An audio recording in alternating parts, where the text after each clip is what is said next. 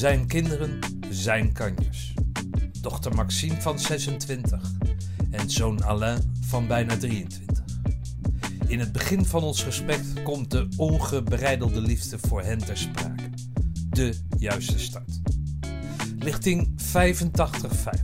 Vandaag in de Mutstas podcast het levensverhaal van dienstplichtig commando en de nu wijkagent Den Haag Centrum zijnde Den de Wit. Commando De Wit, registratienummer 66 09 28 168. Ik eh, ben eh, met jou mee mogen lopen. En eh, onderwijl door Den Haag fietsend met mooi weer. Allerlei mensen tegenkomen, stoppend. ik weet het allemaal niet. Ehm, kwam de, de term mensenmens, verbinden, kwam naar boven. Dat is iets wat je zelf, waar je zelf jezelf mee typeert. En wat ik ook heel erg eh, heb eh, meegekregen op die, op die dag. Ehm, als je dat wegzet tegen dat, die liefde die je voor je kinderen voelt, wat, wat, wat, staat dat gelijk aan elkaar? Of, of is dit, hè, als jij zegt jouw kanjes, dat je daarvoor leeft, hoe, hoe doe je dat dan? Hoe zet je dat weg in dat leven waar je in principe altijd klaar staat voor anderen? Ja, ik denk dat je dat wel eh, in het verlengde kan zien. Dat, ik, ehm, dat dat ook een van de redenen is dat ik het werk ben gaan doen wat ik, wat ik doe nu. Werk bij de politie, dat is eh, ja, toch iets betekenen voor mensen. Ehm, er zijn voor de mensen. En wat dat betreft zie je natuurlijk veel parallellen ook eh, naar mijn kinderen toe. En de liefde die ik voor mijn kinderen heb, die heb ik ook voor mijn werk. Ik doe dit werk uit passie. En ik denk dat, ja, dat dat een van de redenen is geweest dat ik dit werk ben gaan doen. Om ja, passie te hebben in je werk, om plezier te hebben in je werk.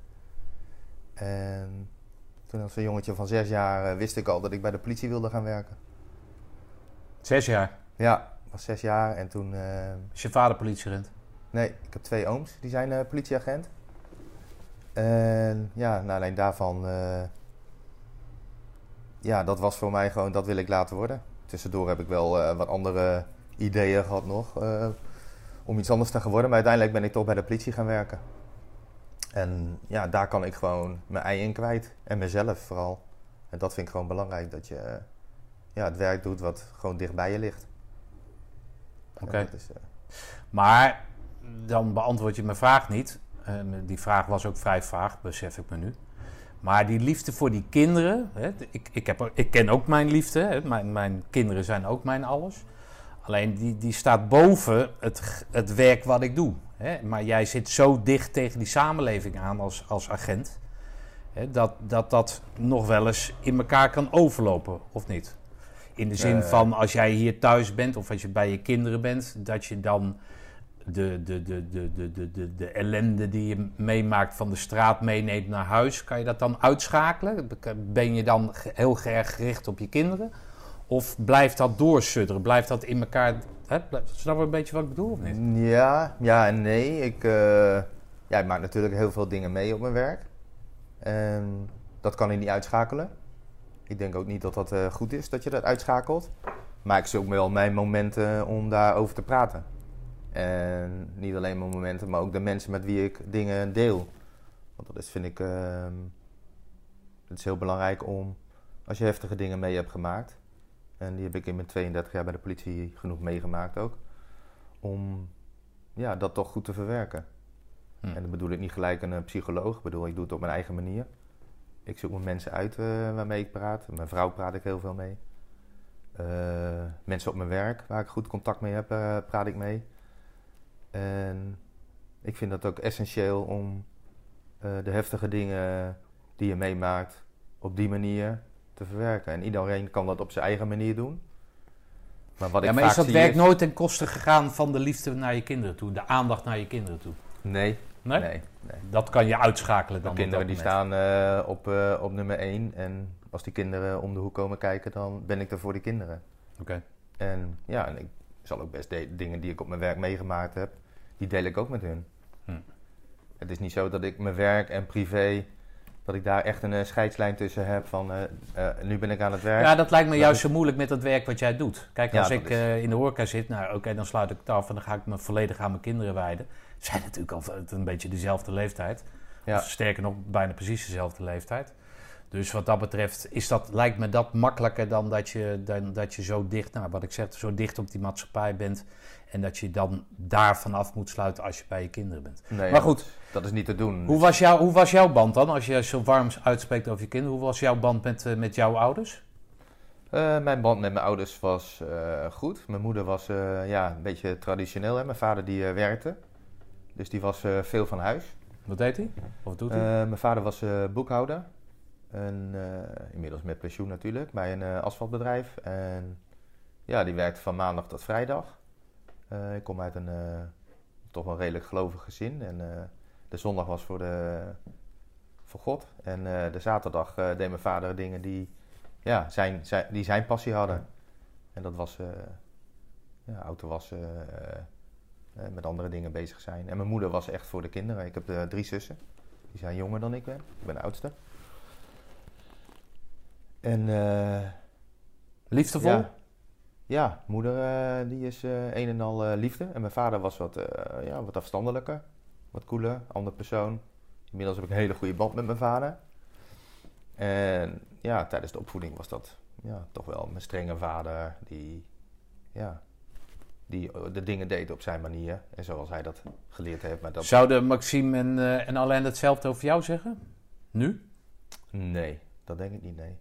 Nee. Mijn vader die... eh, ja, ik sportte heel veel. Ik heb mijn vader nooit op het voetbalveld gezien.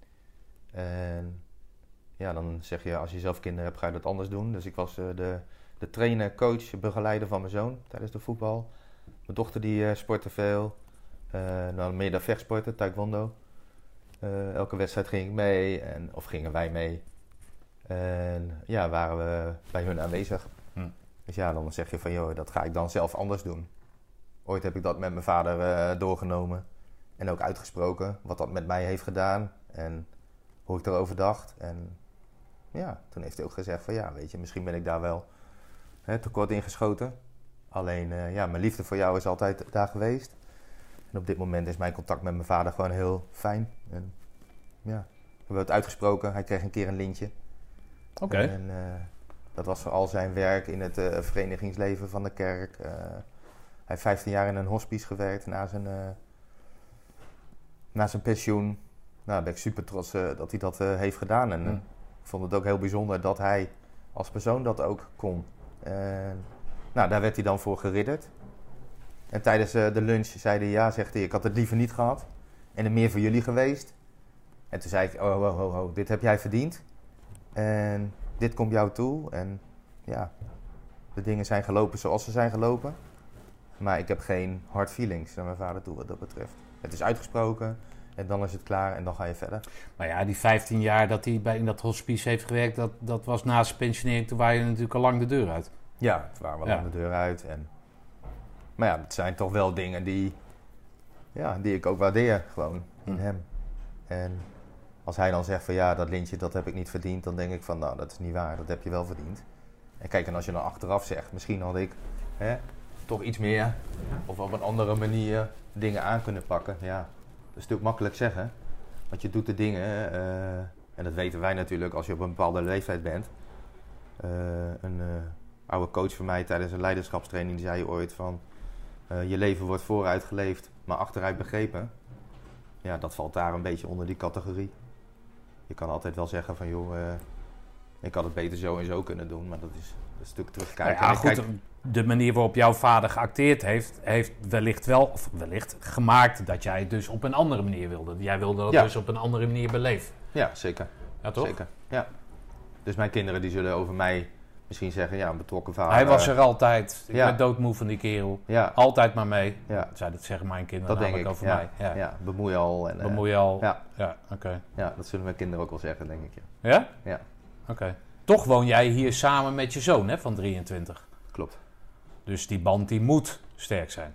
Ja, die is... eh, Kon je, praat jij op dezelfde manier? Nou, niet dus. Want je- vroeger kon je dus wat minder Je, je communiceren met je vader, waar hij dan zijn excuses voor heeft aangeboden. Of in ieder geval hè, dat hij er niet was op de momenten dat jij dat dan wel vond, of dat je Mhm. dat prettig vond. Kan jij nu, communiceer jij nu met je kinderen zoals jij dat vroeger voor ogen had? Ehm, Als ik ooit kinderen krijg, dan wil ik dat niet op die manier doen. Helemaal niks ten nadele van hem. nee, maar het gaat niet zozeer om het communiceren, maar meer om eh, ja, dat ze altijd weten dat ik er voor hen ben. En dat ze altijd een beroep op mij kunnen doen als het nodig is. En qua communicatie, ja, je hebt zelf ook kinderen. eh, mijn zoon eh, die, eh, is niet zo'n prater.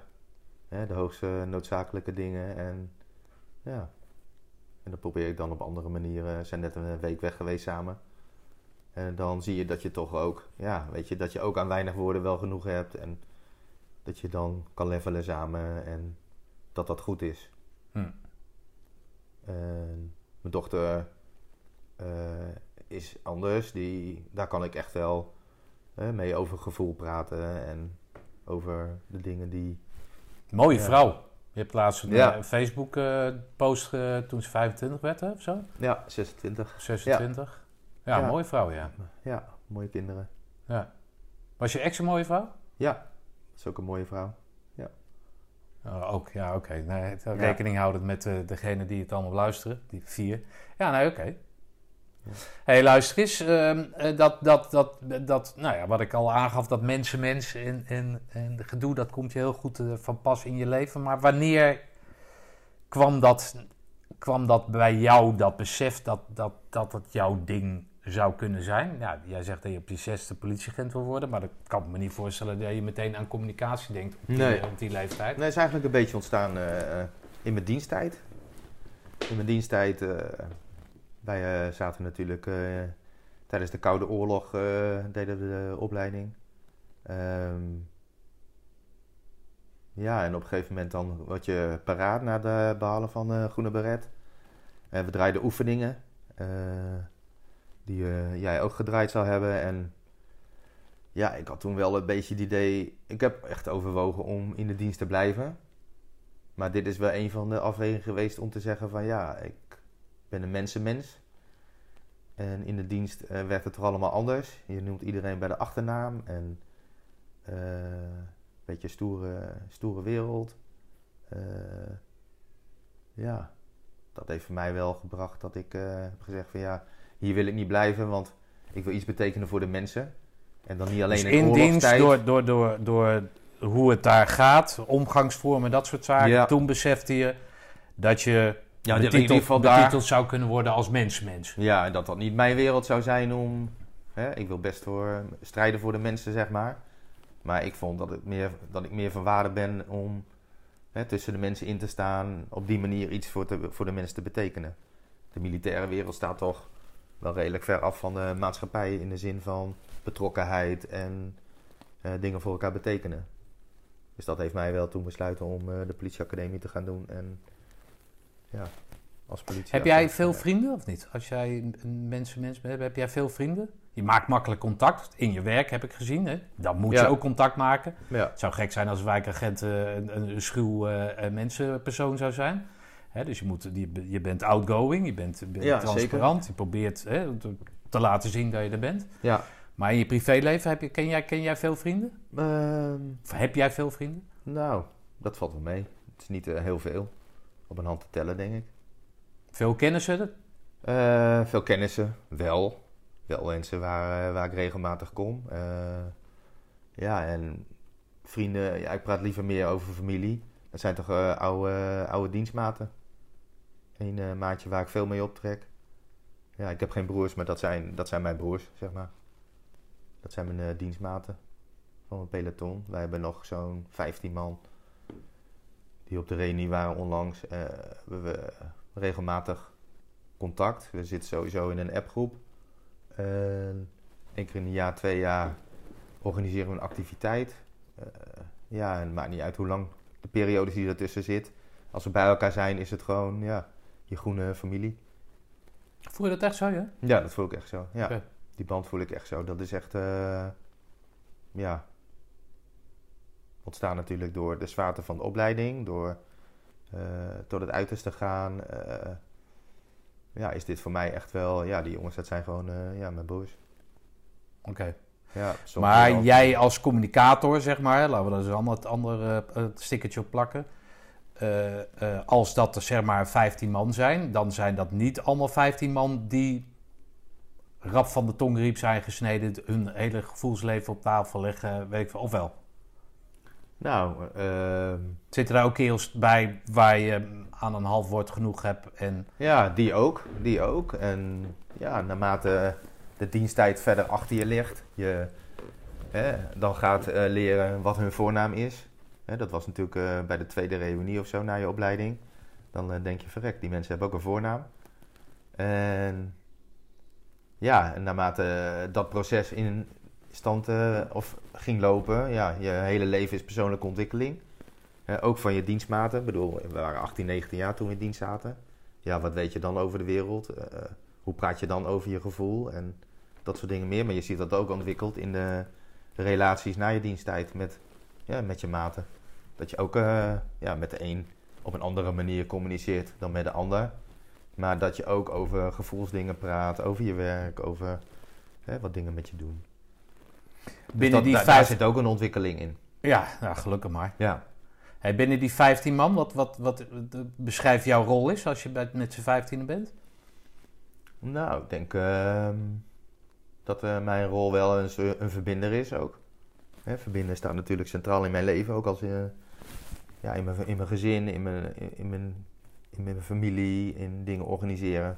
Met eh, mijn beste maatje organiseerden wij vaak ja, de fietsen in de grotten van Valkenburg, eh, fietsen op de hei van Dwingelo, eh, een barbecue eh, die dan eh, bij een andere maat georganiseerd werd. eh. Ja, dan waren wij zeg maar de aanjagers een beetje. En de rest volgde. En nou, die waren heel blij dat er dingen werden georganiseerd. Ja, dat lijkt mij eh, heerlijk. Maar, eh, ja. dat, dat soort types... eh, Uiteindelijk heb je dat wel nodig. Hè, ik Ja. bedoel, iedereen kan wel zeggen van ah, het zou me hartstikke leuk lijken om eh, elkaar weer een keer te zien. Maar uiteindelijk heb je mensen niet, niet nodig die dat regelen. En eh, ja, wat dat betreft zie ik mij dan wel als verbinder in deze groep. Oké. Maar op zo'n avond, of weet ik veel wat, op zo'n evenement zelf, je hebt altijd één iemand, als je naar de kroeg gaat, die de DJ gaat lastigvallen. Eentje die op de bar gaat staan. Ja, nee, dat ben ik niet. Nee? Nee, nee. Wel de gezelligheid, wel eh, lekker biertje drinken, sterke verhalen vertellen. Die naarmate de jaren vorderen natuurlijk al sterker worden. Ja. Ehm, maar niet, eh, nee, die, die persoon ben ik niet. Je bent niet het boefie.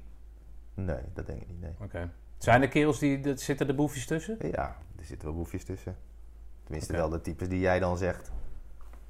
En dat blijven boefies. Eh, Ondanks ja, de leeftijd. Gelukkig wel. Ja. Gelukkig wel, ja. En wat dat betreft, dat kind in mij zit er ook nog steeds, gelukkig. En daar ben ik ook wel blij om. Dat ik niet eh, ja, afgestompt ben en te serieus ben. Ik bedoel, het leven is mooi en geleefd worden. Maar ik ben echt vooral van het vooruitleven. Ik kijk niet veel terug. Ja. Wat we nu wel doen, maar... hey, eh, hoe heet dat? Ehm, nou heb ik wel eens gehoord, en ik vraag me af of dat bij ons in het peloton ook zo is, maar dat vraag ik dus nu aan jou.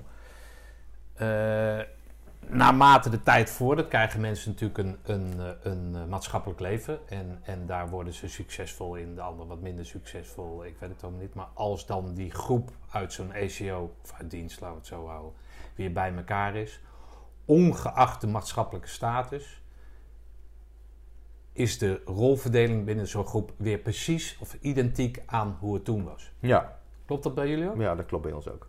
Ik heb dat gehoord van, van de kerel die ik Ja. geïnterviewd heb. Die is, eh, weet ik veel, arts, eh, moeilijke dingen eh, gestudeerd. En, eh, maar zodra hij weer in die club is, heeft hij Ja. weer zijn positie. En, dan wordt, Ja. en degene die bij wijze van spreken het niet zo goed doet en de grootste bek heeft en voorop het, het boefie zeg maar, Mm. die is meteen dat boefie in datzelfde gezelschap. Ja, dat blijft, die, rol, die rolverdeling is wel een beetje hetzelfde.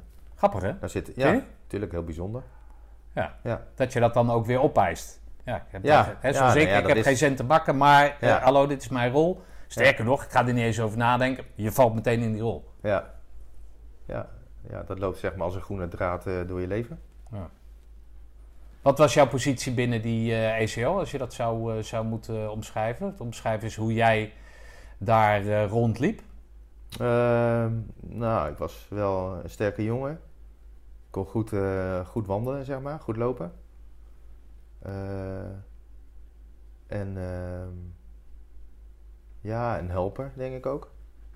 Ik vond het belangrijk om... eh, ja, ik had natuurlijk wel mijn eigen zorgen en mijn eigen pijntjes. En, maar ondanks dat, eh, als we dan toch door die sloot liepen... en bij ons lag er zelfs op elke water lag ijs...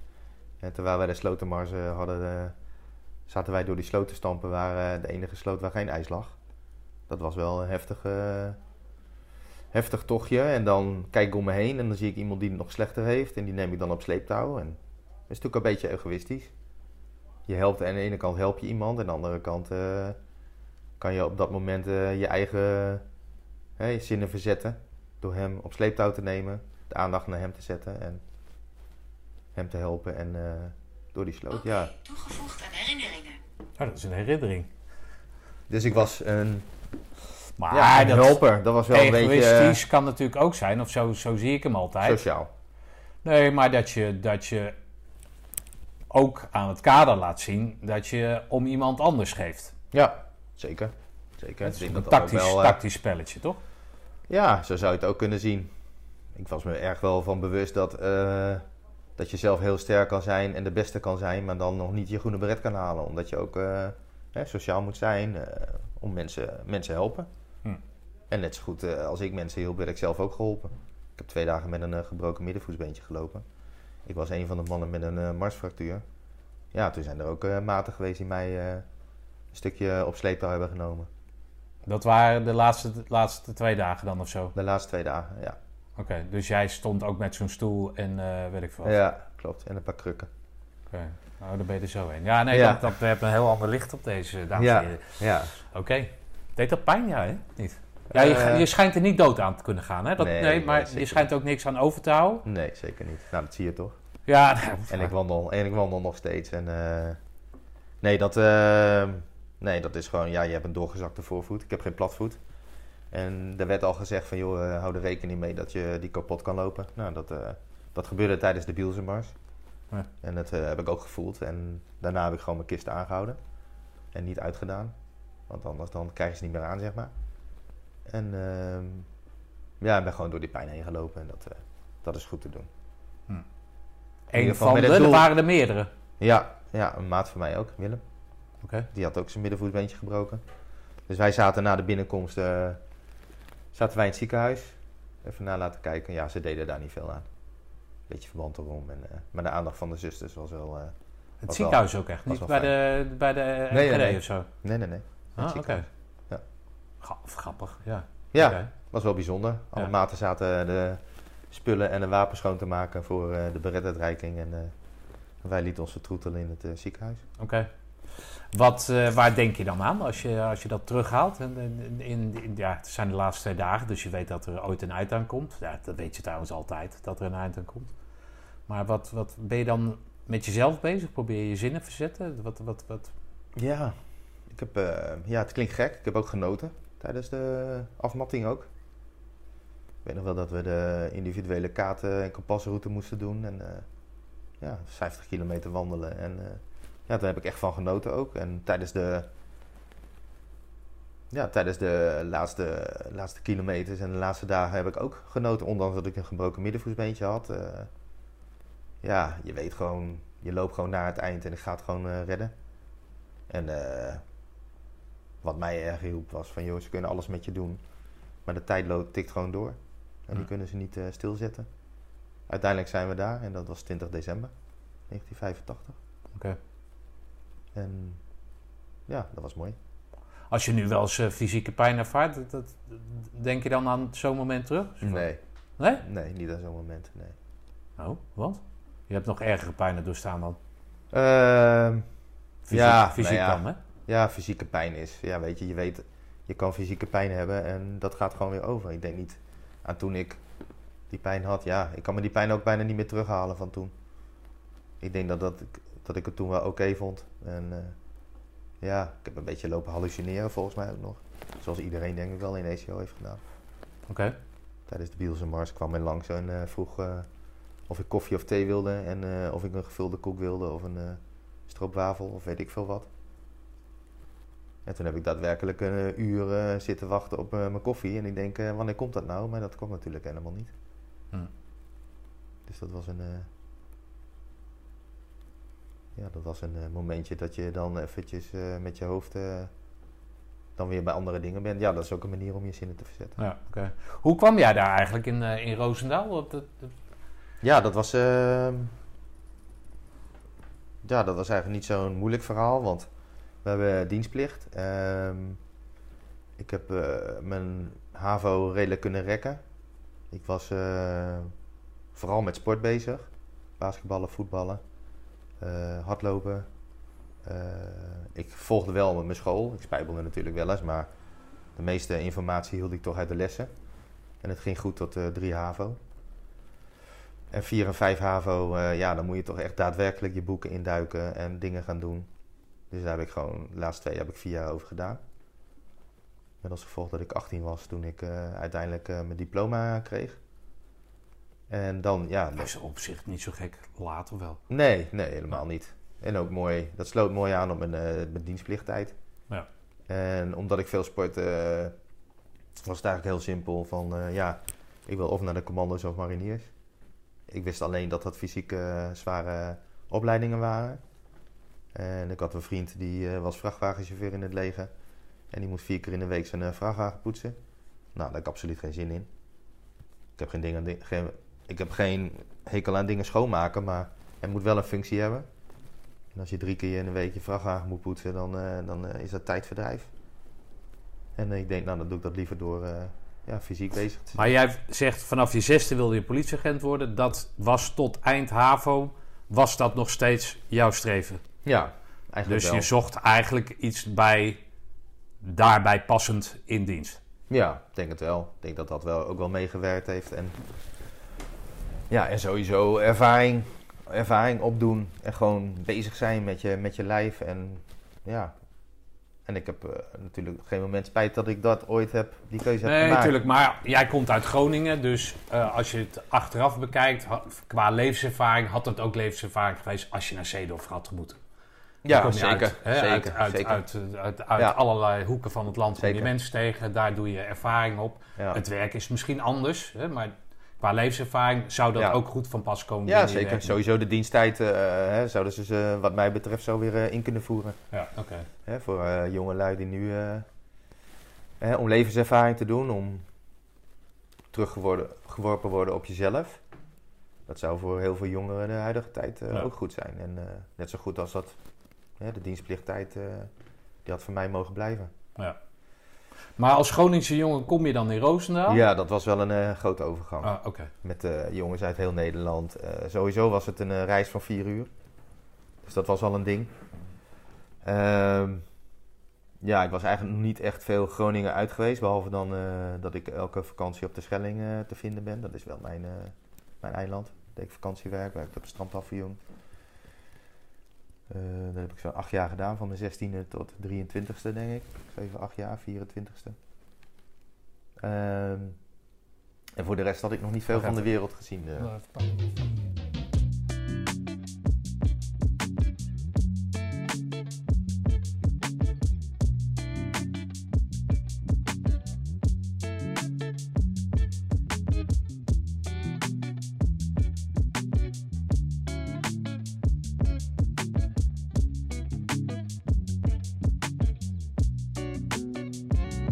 Dus je komt vanuit Groningen, kom je in Roosendaal. Komt allerlei mensen tegen. Ja, klopt. En wat, voor, wat voor mensen kom je tegen dan? Ja, vooral oudere mensen. Ik was een van de jongsten. Ik was 18 toen ik eh, de dienst in ging. Dezelfde maand werd ik wel 19. Maar samen met eh, Toby was ik een van de, van de jongsten van de, van de uiteindelijke lichting die overbleef. Ehm, ja, Toby- levens... Wie is Toby? Toby, dat is eh, ja, een maatje die ook eh, de bret heeft gehaald. En de, ja, de mensen kwamen overal vandaan. Je had er, eh, ja, de mensen uit het westen zag je toch echt wel dat die ja, wat meer lefgozertjes, weet je, wat brutaler. En ja, niet dat ik het jongetje uit de regio was, maar ja, ik, was, ik had nog nooit, was nooit op vakantie geweest met een vliegtuig bijvoorbeeld. Dus ja, ik had nog niet zoveel van de wereld gezien. Dus dat was wel, eh, wel bijzonder. Om eh, ja, allemaal andere mensen uit andere regio's tegen te komen. Oké. Kon je met die, met die of, eh, of wat? Ja, zeker. Ja? zeker. Ja. Ik, ehm, ja, ik ben een mensenmens, dus ik kan... Een van mijn kwaliteiten denk ik wel dat, is, ik- dat ik kan levelen met iedereen. Maakt niet uit met wie. En dat, ehm, ja, dat is in die periode ook... ehm, ja, heeft wel in mijn voordeel gewerkt, zeg maar. Oké. We hebben ook jongens in het peloton zitten die wat dat betreft... eh, ja, schuw wil ik niet zeggen, maar wel meer op zichzelf zijn. Daar is natuurlijk niks mis mee, maar je ziet ook dat ze dan ook minder goed eh, in die groep mee kunnen. Oké. En dat ze dan ja, op de een of andere manier wel de beret uiteindelijk gehaald hebben. Maar minder, eh, ja, minder outgoing misschien, minder explosief zijn. Ja. Zijn er veel van die lefgozertjes overgebleven die, die, die hun beret Ja, hebben zeker. gehad? Ja? Zeker. Het zijn die boefjes, die de eerder genoemde boefjes. Ja, boefjes, tussen aanhalingstekens. Ja, nee, oké. Ja. Het is ook een, een, iets van een troetelnaampje of zo. Ja, Maar- zeker. zeker. Ja, die zijn er ook al, eh, gelukkig wel. Oké. Dat brengt natuurlijk wel jeu in eh, de tijd na de, na de dienst. Oké. Had je meteen al door dat het iets voor jou was? Ja, zeker. Ja, zeker. Ook al wist ik absoluut niet wat het hele commando zijn inhield. En Nee, maar het- ja, Dat ik, zeg, ik vraag, later- het, ik vraag het aan iedereen, maar dat marcheren, dat, dat dingen Oh. doen die andere Ja. mensen jou opdragen, waarvan jij misschien denkt, of waarvan ik altijd dacht van nou, ja, kan dat niet op een andere manier of kan dat niet wat aardiger? Of, ja. ja. nee, eigenlijk ehm, ja, lag mij dat wel. Gewoon doen. Niet zeuren, gewoon doen. En eh eerste keer niet goed. Ja, in het begin is dat natuurlijk wel vervelend. Dan denk je van, nou, we hebben het toch goed gedaan. Maar, eh, en dan nog een keer en dan nog een keer. En op een gegeven moment dan, ja, ook door de instructeurs die we hadden, ga je ga toch echt zien als een, ik zag het toch echt wel snel als een eh, spel. Ehm, als een beproeving ook. Gewoon alles uit je halen wat erin zit. Eh, afbreken wat je denkt te kunnen. En weer opbouwen. En dat, ehm, ja, dat vind ik wel subliem gedaan in de opleiding in ieder geval. Ja, jij hebt eh, ter voorbereiding, vertelde je me, en dat heb je me toegestuurd gisteren met een eh, collega van je, een soort proefopname gemaakt. Hè? Of proefopname in ieder geval, om te, te kijken hoe je, hoe, of te kijken, vooral te luisteren hoe je dan zelf je stem ervaart en dat soort zaken. En toen had hij het over eh, drill, ja ik zat op de fiets dus ik kon het begin niet helemaal horen, maar over de, een drillsergeant. Ja, Hè? En je had het inderdaad over dat afbreken en weer opbouwen. Wat, wat, hoe, hoe...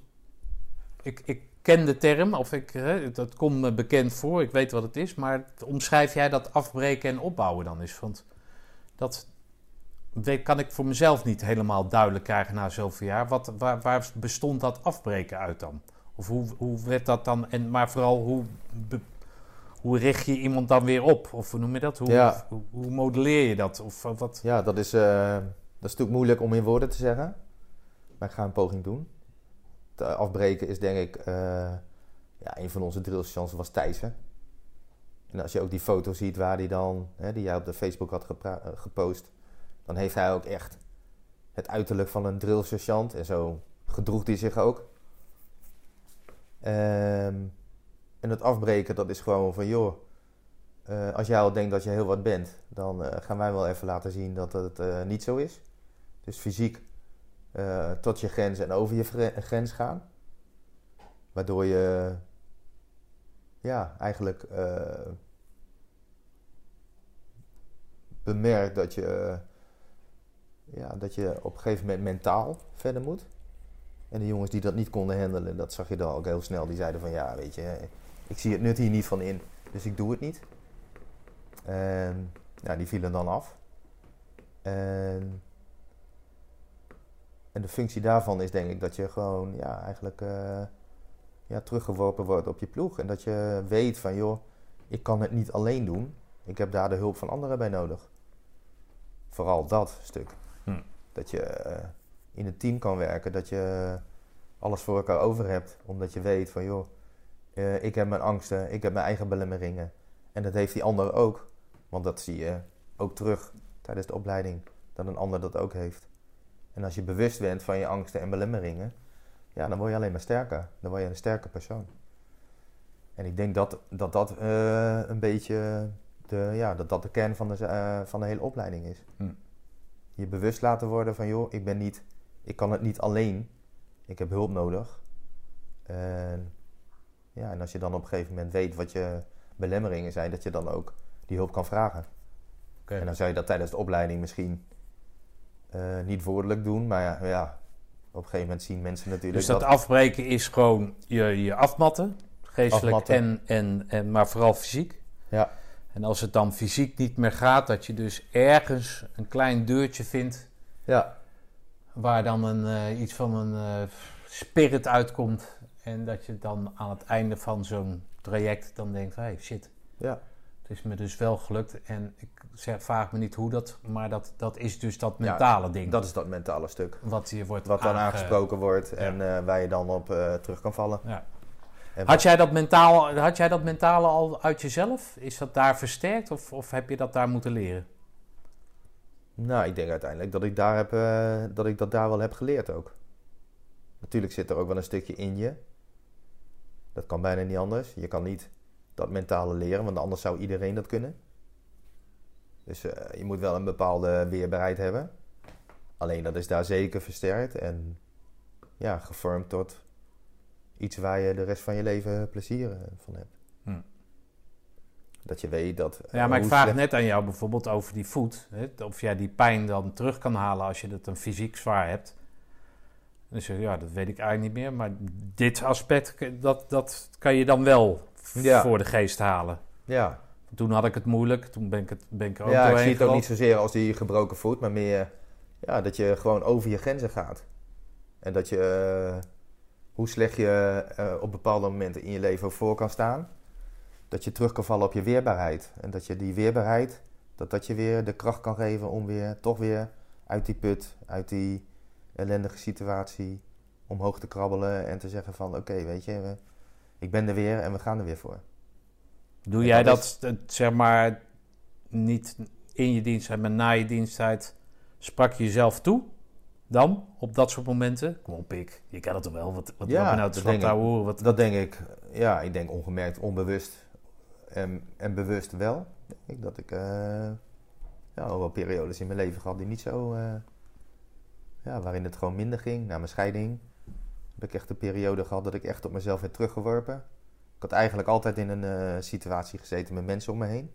En ja, ik ben een mensenmens, dus ja, dat zijn de situaties en de, eh, waar ik in het beste eh, in gedij en tot z'n recht kom. En als je dan, ja, na mijn scheiding, tien jaar geleden, nou, dan word je op jezelf teruggeworpen en dan, ja, dat is dan voor het eerst dat ik uit moet vinden van weer, eh, ik moet het nu alleen, eh, alleen doen, eh, het alleen zijn, ervaren. Dat is voor mij wel een bijzondere, ja, was, je daar, ervaring was je daar toen op dat moment aan toe? Aan, die, aan dat alleen zijn? Ja, blijkbaar wel. Want uiteindelijk heeft dat me ook weer gebracht waar ik nu ben. Maar waar, de andere vraag, waarom ben je gescheiden? Of waarom zijn jullie gescheiden? Ja, wij zijn gescheiden omdat we op een gegeven moment ja, uit elkaar gegroeid zijn. Eh, dat klinkt natuurlijk heel. eh, dat hoor je natuurlijk heel vaak. Eh, kinderen, alle aandacht naar de kinderen. Weinig communicatie onderling, behalve dan praktische dingen, hè, boodschappen die gedaan moeten worden en al die dingen meer. Erachter komen dat, ja, dat je toch hè, qua langdurige relatie misschien niet zo goed bij elkaar past. Dat je op een gegeven moment in je relatie staat en kijkt naar je eigen situatie en dan beseft van oké, dit is de lijn die ik wil lopen en ik sta een stuk daarvan af. Te kijken hoe ik loop te strukkelen en denk van ja, dit wil ik niet zo verder. Toch ook voor jezelf kiezen. Waarop wij hebben gezegd van ja, dit gaat zo niet verder en eh we gaan scheiden. En dat hebben we samen besloten. Het was geen eenzijdig besluit van jou, vanuit Nee. jouw kant. Nee, Zij had hetzelfde gevoel. uiteindelijk wel. Kan, je, Ja. kan je dan niet met elkaar daarover praten dat je niet kan praten? Ja, dat kan niet, nee. Dat, dat, is, dat was niet. Bij ons was dat niet, eh, was het niet mogelijk. Hm. Want Is dat een nederlaag? Of heb je het ervaren als een, of hebben jullie ver. het eh, ervaren als een nederlaag? Nou, dan ben je, je bent al zo ver uit elkaar gegroeid dat dat, dat, dat eigenlijk eh, ja, niet meer gaat. En Nee, het voelt niet als een nederlaag. Nee, nou, maar naar Kijk, je je je kinderen toe, intentie. als, als gezin zijn, Ja, dat, dat je... Dat je Natuurlijk, eh, je weet, en daar werd ik me ook bewust van tijdens eh leiderschapstraining die ik deed, dat ik eh, mijn pitch stond te houden over mijn leven. En ja, dat dat voor mij een eigen moment was in mijn leven, hè, tien jaar geleden dan. Hè, dat ik toen gescheiden was. En ja, en voor mijn kinderen zou dat dan zijn dat ze ja, op dat moment, hè, toen ze 12 jaar waren of 15 jaar, dat hun ouders gingen scheiden. Dat is voor hen ook een, eh, een mijlpaal in hun leven. Ja. En dat is natuurlijk een, eh, ja, niet een mijlpaal waar je van denkt van, nou, als je gaat trouwen of hè, als je een gezin begint. Doe je dat je voor toch wel- eeuwig in principe. Ja, dan heb je Ja. toch wel het idee van, joh, we worden samen oud. En eh, ja, ik zie niet als verlies. Ben ook niet... eh, nou, niet zozeer als jouw verlies, Nee, maar, maar wel, maar als, wel als, als, ja, ja, als Ik- gezin. Dat als je, gezin. Dat je, dat je, ja dat je- op dat moment ben je wel je gezin verloren. In de ja, zin zij van- ook natuurlijk. Ja, Nee, maar dat je samen, dat je elkaar aankijkt en denkt, dom. Jammer dat het... ja dat Zo heeft zeker. moeten lopen. Zeker, zeker, Ja. zeker. Oké. En uiteindelijk eh, dan, eh, ja, dan heb je dat proces, zeg maar, dat je op jezelf wordt teruggeworpen. En dan komt dat mentale aspect wat je dan in Roosendaal Ja, hebt opgedaan, zeker. komt, komt goed van pas, zeg jij. Ja, zeker. Oké. Van, eh, ja, weet je, je kan wel eh, bij de pakken neer gaan zitten, maar eh, daar kom je ook niet verder mee. Dus. En dat viel samen, eigenlijk mijn scheiding, viel samen met een leiderschapstraining die ik gedaan heb vanuit de politie.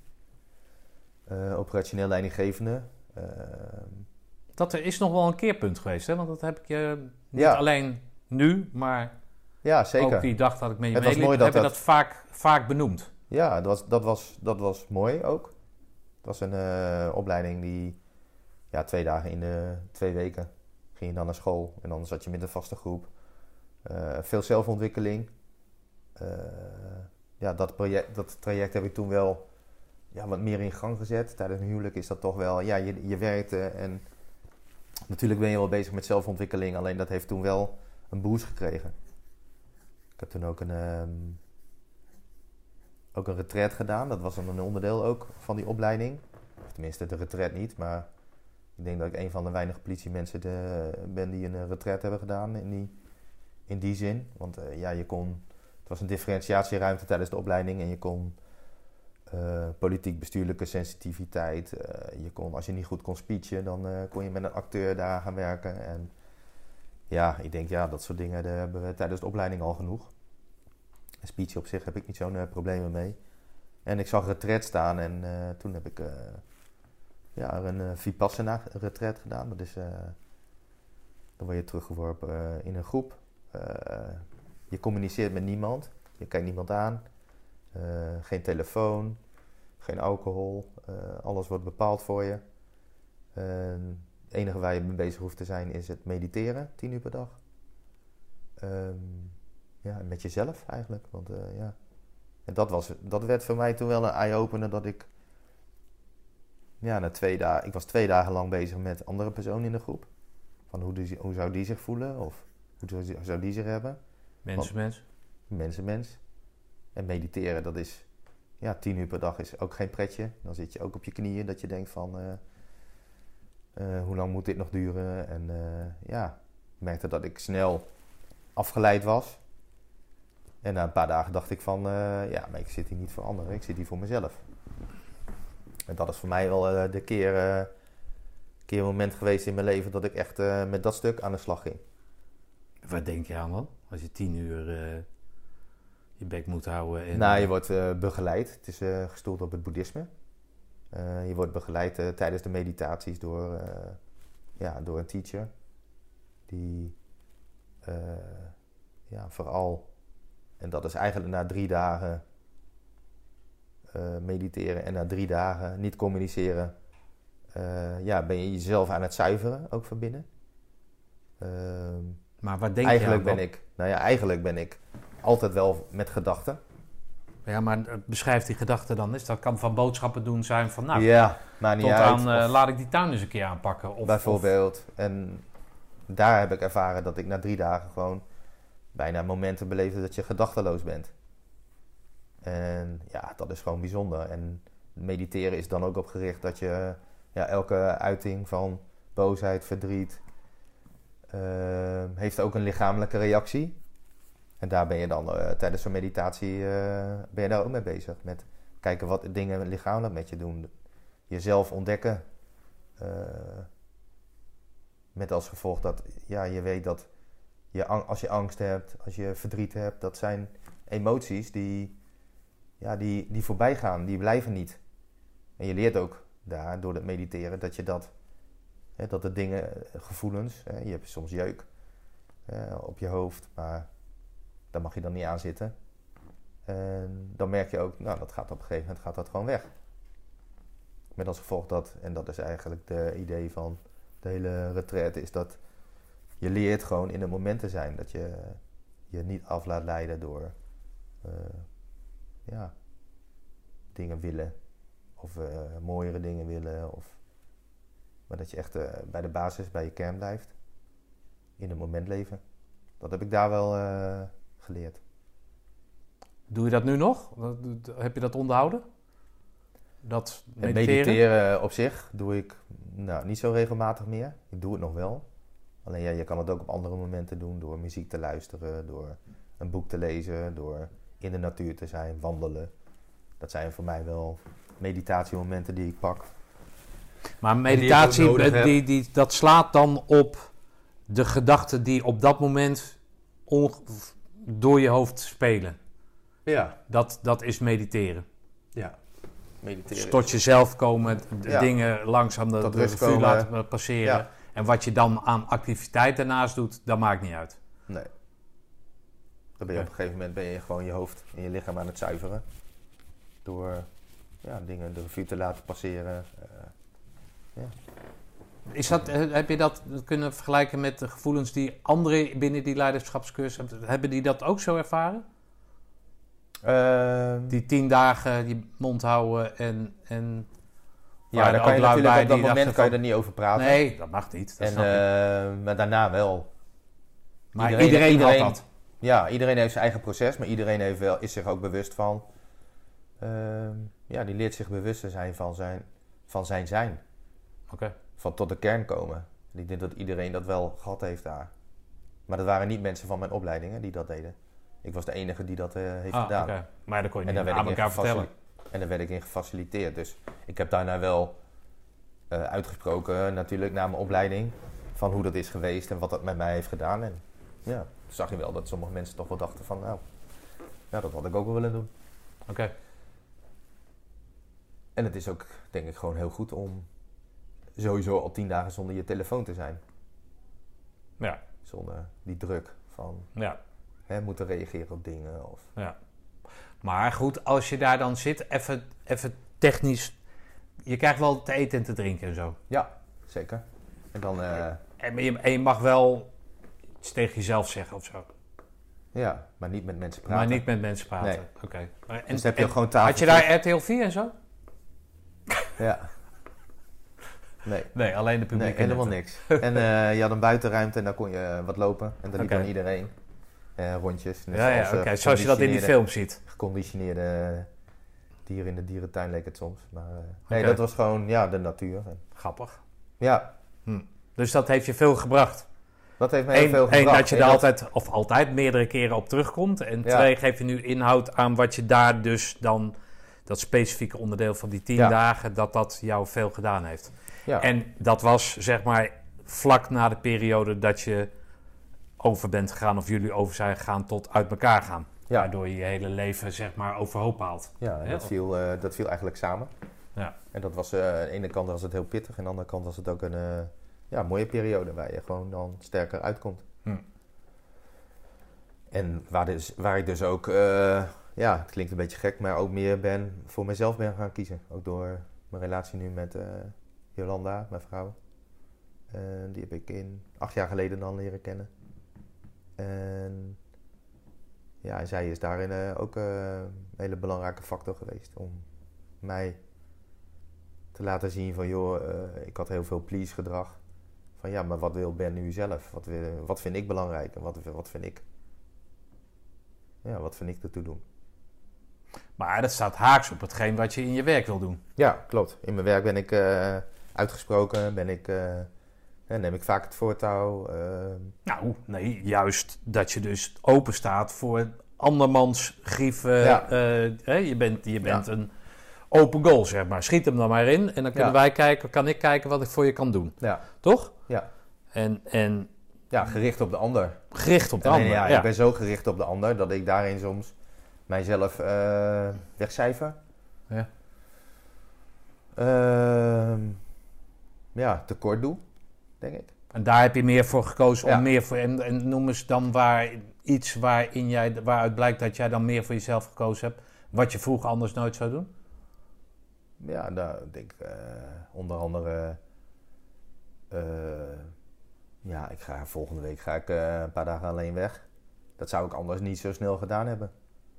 Alleen Jolanda, ja, die stimuleert dat en dat is zo gelopen. En ja, ik ga gewoon eh, alleen naar een eh, maat van mij toe. En, vroeger zou ik dat eh, meer samen doen dan. Hm. Ehm, ja, ik woon ook niet samen. Ik woon in Delft en Jolanda woont in Voorschoten. Met als gevolg dat ik, als ik weet dat ik hier zit, dat ik ook ja, meer mijn eigen dingen kan doen. En de week dat we samen zijn, die hebben we ook veel ingericht dat we veel dingen samen doen. Waardoor we soms... Ja, het is wel een ideale. Het lijkt mij. Ik vond het. Het, het verbaasde me. Of verbaasde me. Ik, heb, ik had. Ja, nou, ik had het. Nee. Ja, het verbaasde me. Want als je dan getrouwd bent. Hè, je hebt me trouwfoto's laten zien. Hele mooie trouwfoto's. Mhm. eh, dan ga je gewoon van het geëikte patroon uit. Maar jij woont een week hier. Ja. Met je zoon. Onder andere. Ja, En een week ga je naar Jolanda en dan doe je dan eh, dingen samen. Dus dat, Ja. het staat, ja, ja apart. Hè? Dat, ja dat- zeker apart. het, En, eh. eh, maar wat ja, doe jij hier dan wat je bij Jolanda niet doet? eh, nou, rekening houden met mezelf en niet met een ander. Ik bedoel, als je samen bent, dan je- je werkt overdag, dan eet je samen s'avonds. Nou, en Ja, dat doe je hier niet. En hier kan ik, nee, maar ik bedoel, hier kan ik dan het laten lopen. Ik kan de dag laten lopen zoals ik het wil. Inrichten zoals ik het wil. Eh, ja, soms eh, doe ik niks. Soms doe ik, eh, ga ik lekker een stuk wandelen. Eh, ja, wat ik eigenlijk heel heftig vond na mijn scheiding, om op jezelf teruggeworpen worden, zelfstandig zijn, zeg maar. Ja, dat heb ik nu eigenlijk meer omarmd. En dus je kan, fijn. be- je kan beter nu alleen zijn en Zeker. daaraan toegeven dan Ja. dat je in je eerste huwelijk deed. ja, zeker. Zeker omdat je daarin gehinderd tussen haakjes werd door altijd maar rekening te houden met iemand anders. Ja, Dus je Ja, hebt eigenlijk zin om naar voetbal te kijken, maar weet ik veel, eh, 1 tegen 100 is er met Linda de Mol. Niet of bijvoorbeeld. met- Ja, Hè, of Caroline Tensen, weet ik wat. Lievelingsprogramma voor mij. ja. En dan kies je toch voor dat één, op, want vragen beantwoorden, hè, of qui- Ja, een quizje is ook leuk. Terwijl je eigenlijk wil voetbal kijken. Ja, of ja, je bent dan in die relatie was natuurlijk ook veel met de kinderen bezig. Ja, dat is natuurlijk zijn- anders. Ja. Hè, dat, dat, Ja. ja. dat is eigenlijk ook niet. eh, mag, je mag het eigenlijk niet vergelijken. Nee, je kan het ook niet Met vergelijken. kinderen ben je natuurlijk aan het overleven en, en proberen vorm te geven. En je moet met duizend dingen tegelijk moet je, eh, moet je rekening houden om de boel drijvende te houden. Toch? Ja, ja, en nu. Gezellig te houden. Ja, dit is gewoon weer een andere fase in mijn leven. Kijk, en eh, met kinderen had het ook niet gepast om zo te leven. Dan ga je, dat is ook niet echt gewoon, zeg maar. Om dan te zeggen van de ene week ben ik bij de kinderen en de andere week niet. Nee. Nee, dat, ga, dat is, nou, dit is gewoon, ja, dit ontstond zo. En, en Jolanda en ik hebben hierover gesproken en eh, ja, en zo is dit ontstaan. Hm. Hè, zo, zo, kan ik, eh, zo ben ik ook de ene week ben ik eh, veel bij, bij mijn zoon, bij Alain. En de andere week zijn we samen en ja, die plannen we dan ook wel zo dat we dan ook de dingen samen doen. Vakanties, elke maand, elk jaar gaan we een maand op vakantie. Die zijn we sowieso samen. En we kunnen heel goed samen. Hm. En ook een maand. Ik bedoel, het is niet zo dat maar een- het is week- niet zo dat zij liever niet eh 24-7 met jou samen Nee, zeker niet. Zeker niet. En ooit zal dat in de toekomst er ook wel van Oh, komen. dat, dat zit er wel in. Dat Ja, wel, of ja, dat wel. streven is er. Ja, wel, dat, eh, ja, dat zeker. Oké. En dan tegen die tijd hoop jij de kracht te hebben om dan binnen zo'n relatie van 24-7 ook nog steeds de dingen te doen Ja. waar je zelf zin in hebt. Zeker, maar dat doen, we, dat doen we ook. Als ik bij Jolanda ben, dan doe ik natuurlijk ook wel. Ja, maar je hebt Hè? altijd die week nog respijt van, eh, Ja. nou, doe ik nou dat net is dan alsof niet. ik... Dat Ja. is dan niet. En dan, ja, dan, eh, ja, dan kijken we dan hoe het dan loopt. Maar dan zal ik, ja, ik heb sowieso al die omslag gemaakt voor eh, hè, dat ik zelf ook dingen doe die ik leuk vind. Oké.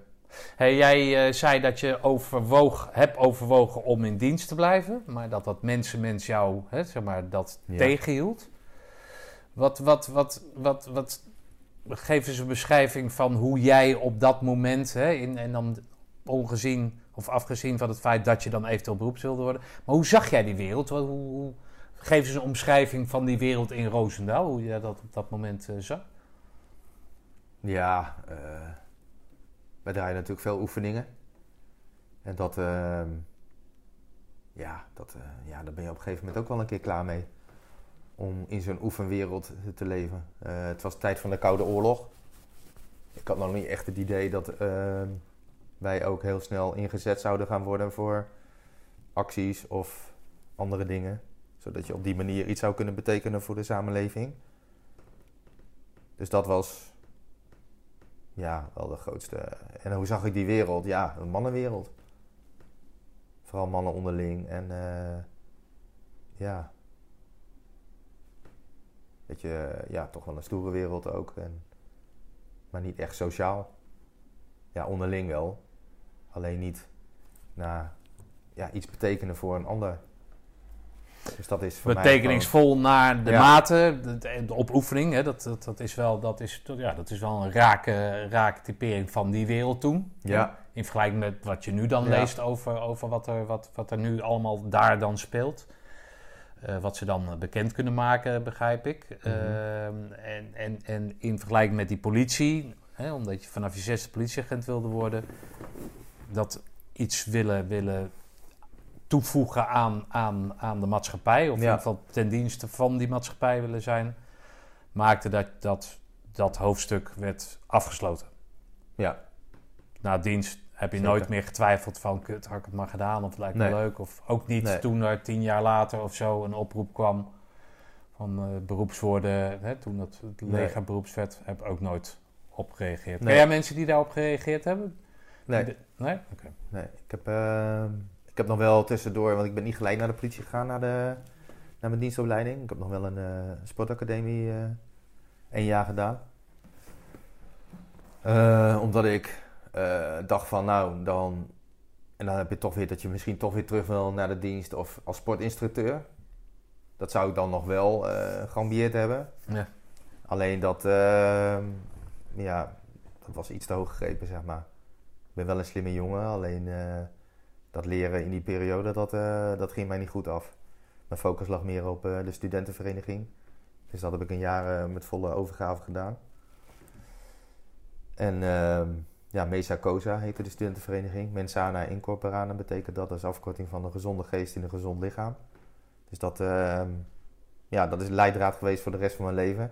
En dat is ook het enige wat ik van de sportacademie heb overgehouden. Behalve dan dat je veel sport. En dat doe ik ja, eigenlijk nog steeds wel. Maar wat had dat sporten eh, met, met het... het, het eh, ja, oké. Je gaat Ja, dan later zou- lesgeven. En ja, ik zou een goede leraar eh, kunnen zijn. Ja, en dat ja, werd mij ook gezegd toen ik stopte. Na een jaar. Ja, een goed docent in jou verloren gegaan. Alleen, ja, ik paste ervoor om op eh, een MAVO of een HAVO eh, sportleraar te zijn. En altijd hetzelfde riedeltje af te draaien. Bij de politie hebben we dan het IBT. Eh, dat is de training voor politieagenten. Ja, dan ben je eigenlijk ook best wel eenzijdig bezig. Hm. En dan was je ook weer niet bezig met waarvoor ik eigenlijk bedoeld was. En dat was gewoon met mensen, mensen en omgaan met mensen. En ja. Ja. En eh Thijssen, die, eh, ja, die... eh, Ja, jij stond met Bert Thijs op de foto. Ja. Ik ben ook met hem op de foto gegaan. Ik denk, ik weet zeker dat er nog wel heel veel met hem Ja. op de foto zijn gegaan.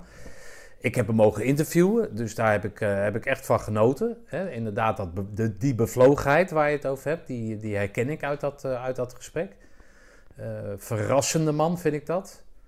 Eh, dus wat jij zegt is, is dat hij, afgezien van jouw leermeester, zoals jij die collega dat gisteren bij jou, eh, of aan jou vroeg, is het de, de, de, drill sergeant-achtig eh, Ja. achtig- achtige type. Maar van hem heb je dus vooral opgestoken plezier in je werk. ja, plezier in mijn werk, humor.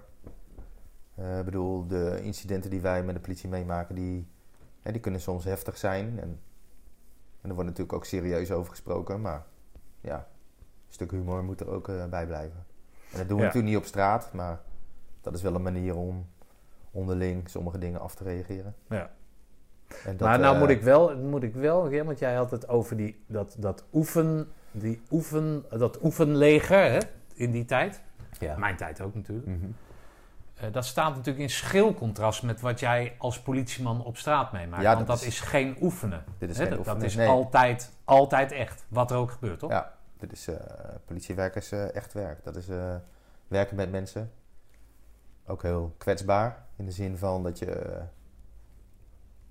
ja, je moet toch altijd eh, beseffen dat je met mensen werkt en, en die mensen hebben gevoelens. Maar Ja, ja, Dat, dat is dus wat jou trok in dat politiewerk. Ja.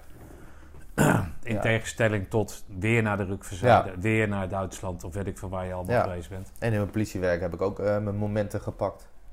De eerste jaren gewoon als jonge diender eh, op straat. eh, de jonge hond die ja, leuk vindt om de melding af te rijden.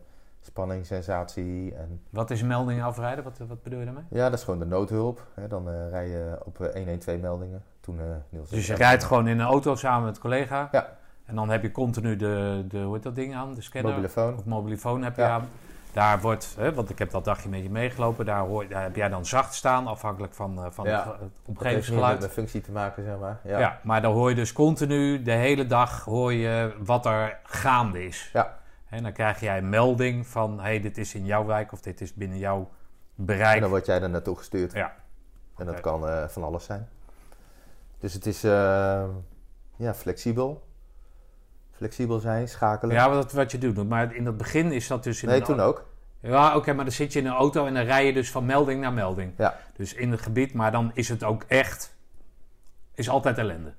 Ja. In principe. Ja, de meldingen waar je naartoe gestuurd wordt, ja, die zijn eh, altijd eh, ja, heftig. Variërend van eh, een winkeldiefstal tot een schietpartij of steekpartij of al die dingen meer.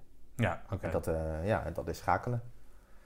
En dat is altijd alert zijn en ja, en een eh, grote mentale belasting ook. En dat doe je dan met, hè, in die tijd, of misschien zal dat nu, het zal nog steeds hetzelfde zijn, maar eh, doe je met een vaste buddy?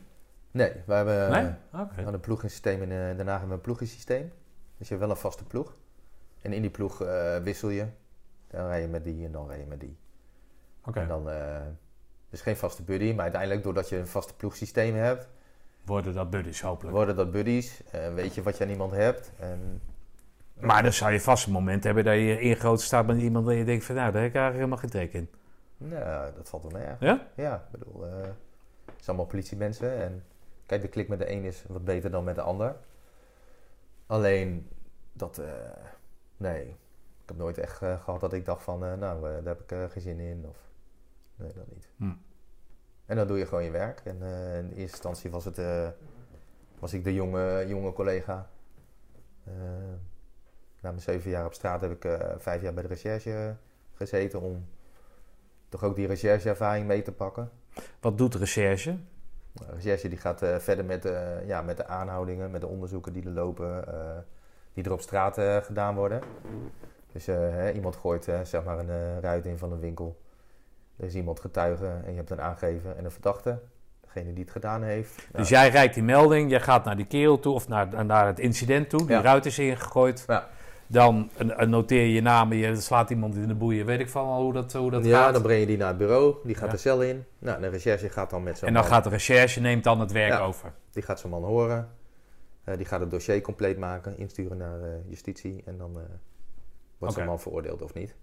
Oké, dus dat is veelal achter de schermen werken dan, Ja. recherche. En vooral binnen zitten. En dat is natuurlijk eh, ja, niet iets waar ik heel goed in ben. Dus wat dat betreft eh, was het ook voor mij wel een tijdelijk eh, gebeuren. Oké, maar recherche heb je natuurlijk in verschillende gradaties dan. Want een ruit ingooien is natuurlijk Ja. niet zo erg als, weet ik veel, iemand die Klopt. omgebracht is of zo. In mijn tijd eh, had je een recherche- recherche-assistentiegroepen. Als er dan heftige incidenten waren, werden de rechercheurs van meerdere andere bureaus. Maar werden één groep gemaakt en dan, eh, ja, dan draaide je nog. Tegenwoordig heb je daar eh, de districtsrecherche voor of regionale recherche die zware onderzoeken deden. Maar die wij, deden, wij, wij deden dat ook. Dan werd je bij zo'n groep ingedeeld. Eh, ik heb een dubbele moord in een groep meegedraaid naar een dubbele moord. Steekpartijen, bankoverval. Ja, dat zijn echt wel ja, de krenten uit de pap, zeg maar, om dat soort onderzoeken te draaien. Maar wat is jouw, als jij daarin begint, wat, wat, wat, wat voeg je dan toe? Of wordt die, die ervaring, die, wordt, die komt met de jaren tot je? Ja, sowieso met de jaren krijg je de ervaring. Alleen ja, je bent gewoon volwaardig lid van zo'n groep. En je doet eh taps eh, afluisteren, telefoontaps, eh Nou, dus alles doe je voor de eerste keer, maar, verdachten horen. Ja, maar alles wordt dan op een gegeven moment zeg maar een bepaalde routine. Of in ieder geval, je Ja, weet hoe je dingen nou ja, aan niet elke zaak is hetzelfde. Niet elke verdachte Nee. is hetzelfde. Dus je, je volgt ook cursussen in het horen van verdachten, in het communiceren. In, ja, dat, ja dat, dat, daar vul je dan weer je rugzak mee, waar je ook weer wat aan hebt. Voor, hè, dat maak je weer je ervaring groter. En ja, en dat maakt jou dan weer meer een ervaren persoon. Oké, En ja, we- en een verdachte horen, ja, een verdachte van de moord horen, is natuurlijk niet hetzelfde als verdachte van een winkeldiefstal. Alleen het idee is natuurlijk wel hetzelfde. Het is Ja. gewoon iemand. maar jij doet dat dus puur en alleen om je rugzak te vullen. Om, om eh, bagage, extra bagage te hebben Ja, qua zeker. ervaring. Ja, qua ervaring en om ook, ja, je kan wel zeggen van binnen zitten vind ik niks, maar misschien had ik dat wel heel leuk gevonden om. Het zijn natuurlijk wel mooie onderzoeken die je draait. Het duurt wel lang, maar het is wel mooi om zo'n onderzoek te draaien en om, om al meer naar. Want je begint natuurlijk nooit hè, bij een moord. Is het natuurlijk niet altijd dat ook gelijk de verdachte wordt aangehouden. Dus dan ga je onderzoeken. Nee, dat is het leuke van, van ja. Ja. of het leuke, maar het het onderzoeken. en- interessante van de moord natuurlijk. Waarom wordt Ja. hij omgebracht? Ja, Hij of zij. ja. Ah. super interessant. Oké, En uiteindelijk gaat het eh, alleen maar om geld of vrouwen. Maar ja, En dat dan, is jouw... maar jouw- is, eh, om dan uiteindelijk dat hele plaatje rond te hebben. Ja, dat is natuurlijk wel prachtig om het eh, op die manier te doen. En daar heb ik heel veel, ook veel voldoeningen uitgehaald. En, ja, en uiteindelijk eh, werd ik benaderd na mijn rechercheperiode van vijf jaar. werd ik benaderd van, joh Ben, eh, er komen ploeg senior stekken vrij. Dus dat is meer de coachende rol op straat. Is dat niet wat voor jou? Nou, toen zei ik, ja, lijkt me hartstikke leuk. Dus toen heb ik dat eh 15 jaar gedaan, senior op mijn ploeg. Wat doe je dan? Dan ga je ook gewoon weer met de jongens eh, de straat op. Alleen ja, je bent dan zelf al eh, iets ouder. Eh, Dus dan ga je met jongere collega's de straat op en dan heb je meer een coachende rol. Zij kunnen van mij leren en ik kan weer van hun leren. Het is eigenlijk, Maar als er vecht is, dan stuur je hem erop af. ja, hier gaan we samen op af. En mocht het ja, wat groter worden, dan ben ik dan degene die te plaatsen de leiding neemt. Hè, dus in principe ben ik de leidinggever die in de ploeg staat. Ik kan goed met mensen opschieten, ben een mensenmens. En, maar de verhouding is dan wel zo dat als eenmaal gewerkt moet worden op straat, dan eh, ben ik degene die dan eh, zegt van oké, jij gaat dat doen, jij gaat dat doen, en jij gaat zo doen, en jij gaat zo doen. En hoe groot is zo'n ploeg? Ja, hangt er vanaf. Dat kan, eh, ja, de ploeg die wij hadden op dat moment waren, denk ik, ja, acht man. En boven mij stond dan een ploegchef. Ja. En ik de senior. en dan een stuk of zes, zeven man. Dat is de ploeg. Oké. Maar wel op straat, niet, geen kantoorfunctie. Nee, op straat. Zeker op straat. Ja. En dat, eh, ja, dat is ja, waarvoor ik leef. Op Oké. straat. Oké. En eh, ja, en met mensen werken. Of het nou mensen zijn die in de wijk wonen of de mensen aan het bureau, de jongere collega's, monitoren ook naar heftige incidenten, kijken hoe ze hè, een dag daarna op reageren. Ehm, of ze erover praten of niet over praten, of, ze dat, of een emmertje vol zit of niet. Ja, dat vind ik, eh, vind ik mooi. Oké. Nooit overwogen om iets anders te gaan doen? Zoals bijvoorbeeld die sportacademie? Nee. Nee. Ja, dat heeft alleen die, in die periode. Beveiliging of, of Nee. persoonsbeveiliging? Of, Nee, eh, ik ben wel eh, ook gevraagd om bij de, maar dat is allemaal van de politie uit, zeg maar. Om toch bij de, wat ik net al zei, IBT-instructeur, eh, politieagenten opleiden, schieten en dat soort dingen meer. Daar hebben ze me voor gevraagd. Ehm, ook voor, eh, ja, beveiliging. Komt zijn zoon binnenlopen, midden in Ja. het gesprek. Ja. Heb je hem al Ja. 13 keer Ja. gezegd dat hij zich voor moet stellen? Ja. Bak koffie en een gevulde koek. Gaan we dat nu doen? Hoi, Stefan. Oh, Hey, man. Doen we nu even een break, toch? Ik moet niet alles aantrekken, want anders ga ik kapot van mijn warmte. Eh, break nemen? Ja, laten we even breken. Ja. Hey, bedankt hè, Alain.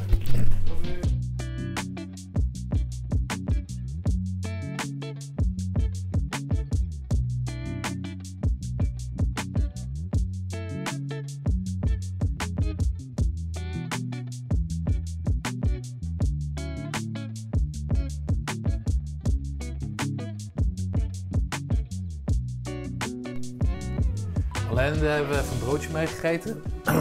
wat is dat, eh, wat, is dat eh, wat, wat, zie je als je alleen ziet? Ja, dan zie ik een jongen die eh, aan de ene kant heel goed weet wat hij wil.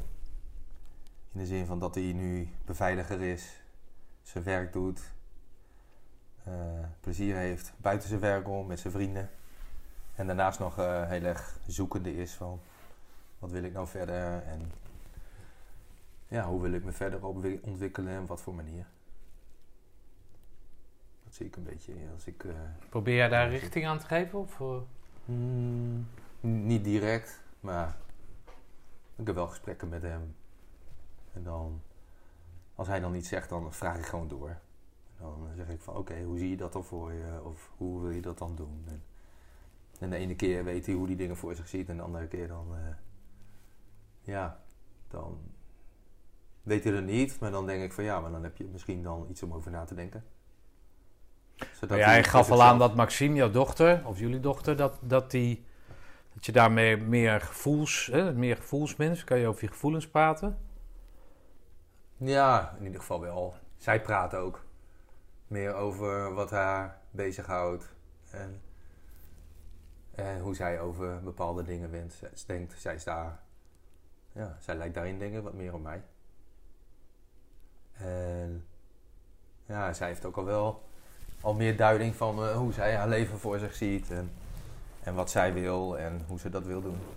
Hm. En ja, nou ja, Jan is 22, dus eh, toen ik op die leeftijd eh, wist ik ook nog niet, ja, ik wilde bij de politie. Dat wist ik natuurlijk al toen ik zes jaar was, maar toen was ik zelf ook nog heel erg zoekende. Uiteindelijk was ik 25 toen ik bij de politie ging werken en ja, dus dat herken ik ook wel weer in hem. Hm.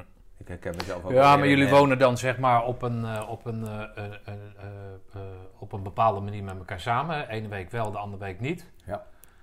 Dus dan word je er eerder mee geconfronteerd dan dat hij elders zou vertoeven. Hè? Op kamers is of op zichzelf, op zichzelf zou wonen of wat dan ook. Dus je zit er wel dichter op, lijkt mij. Dus dan zal je ook meer... Hè, dan, dan de wederzijdse reacties roepen ook wat reacties van de ander op dan. Ja, dat klopt. Dat toch? klopt. Want je blijft zijn hebben vader, toch? Ja, en daarin hebben wij ook wel geleerd eh, hoe we dat, wat dat betreft eh, het beste met elkaar kunnen ja, praten.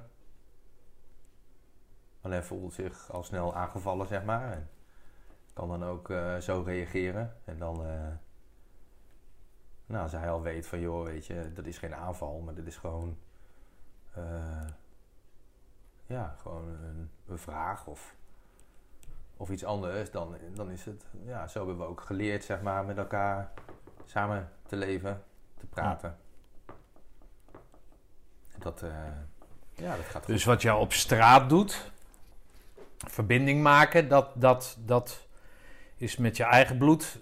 In, in, in deze alleen dan, dan, dan vanwege de leeftijd natuurlijk ook. En vanwege de positie. En vanwege zijn ouder worden, laat je dat wat meer in het midden dan dat je op straat doet. Ja, zeker. Zeker. Ik bedoel, eh, hij kan altijd, eh, als hij vragen heeft, kan hij altijd bij me komen. Maar dat weet hij ook. En ja, de mensen op straat hebben een vraag. De mensen op straat hebben een probleem. Die zitten ergens mee. Die zeggen van, joh... eh, Ja, maar ik heb gezien bij jou dat, dat jij ook op zoek gaat, niet zozeer naar problemen, als wel dat je op zoek gaat naar het ontdekken wat er aan de hand is, toch? Je hebt mij verteld dat er Ja, bijvoorbeeld buren bellen, tante die en die, of weet ik veel hoe ze de buurvrouw noemen, die hebben we al een tijd niet gezien. ja, Kun jij eens kijken? We komen dus in Albert Heijn, komen die, die, dat. Italiaanse eh, eh, mevrouwtje komen we tegen. ja. Waar jij, Ja, zou je belt jou gewoon tijdens je dienst van dat en dat.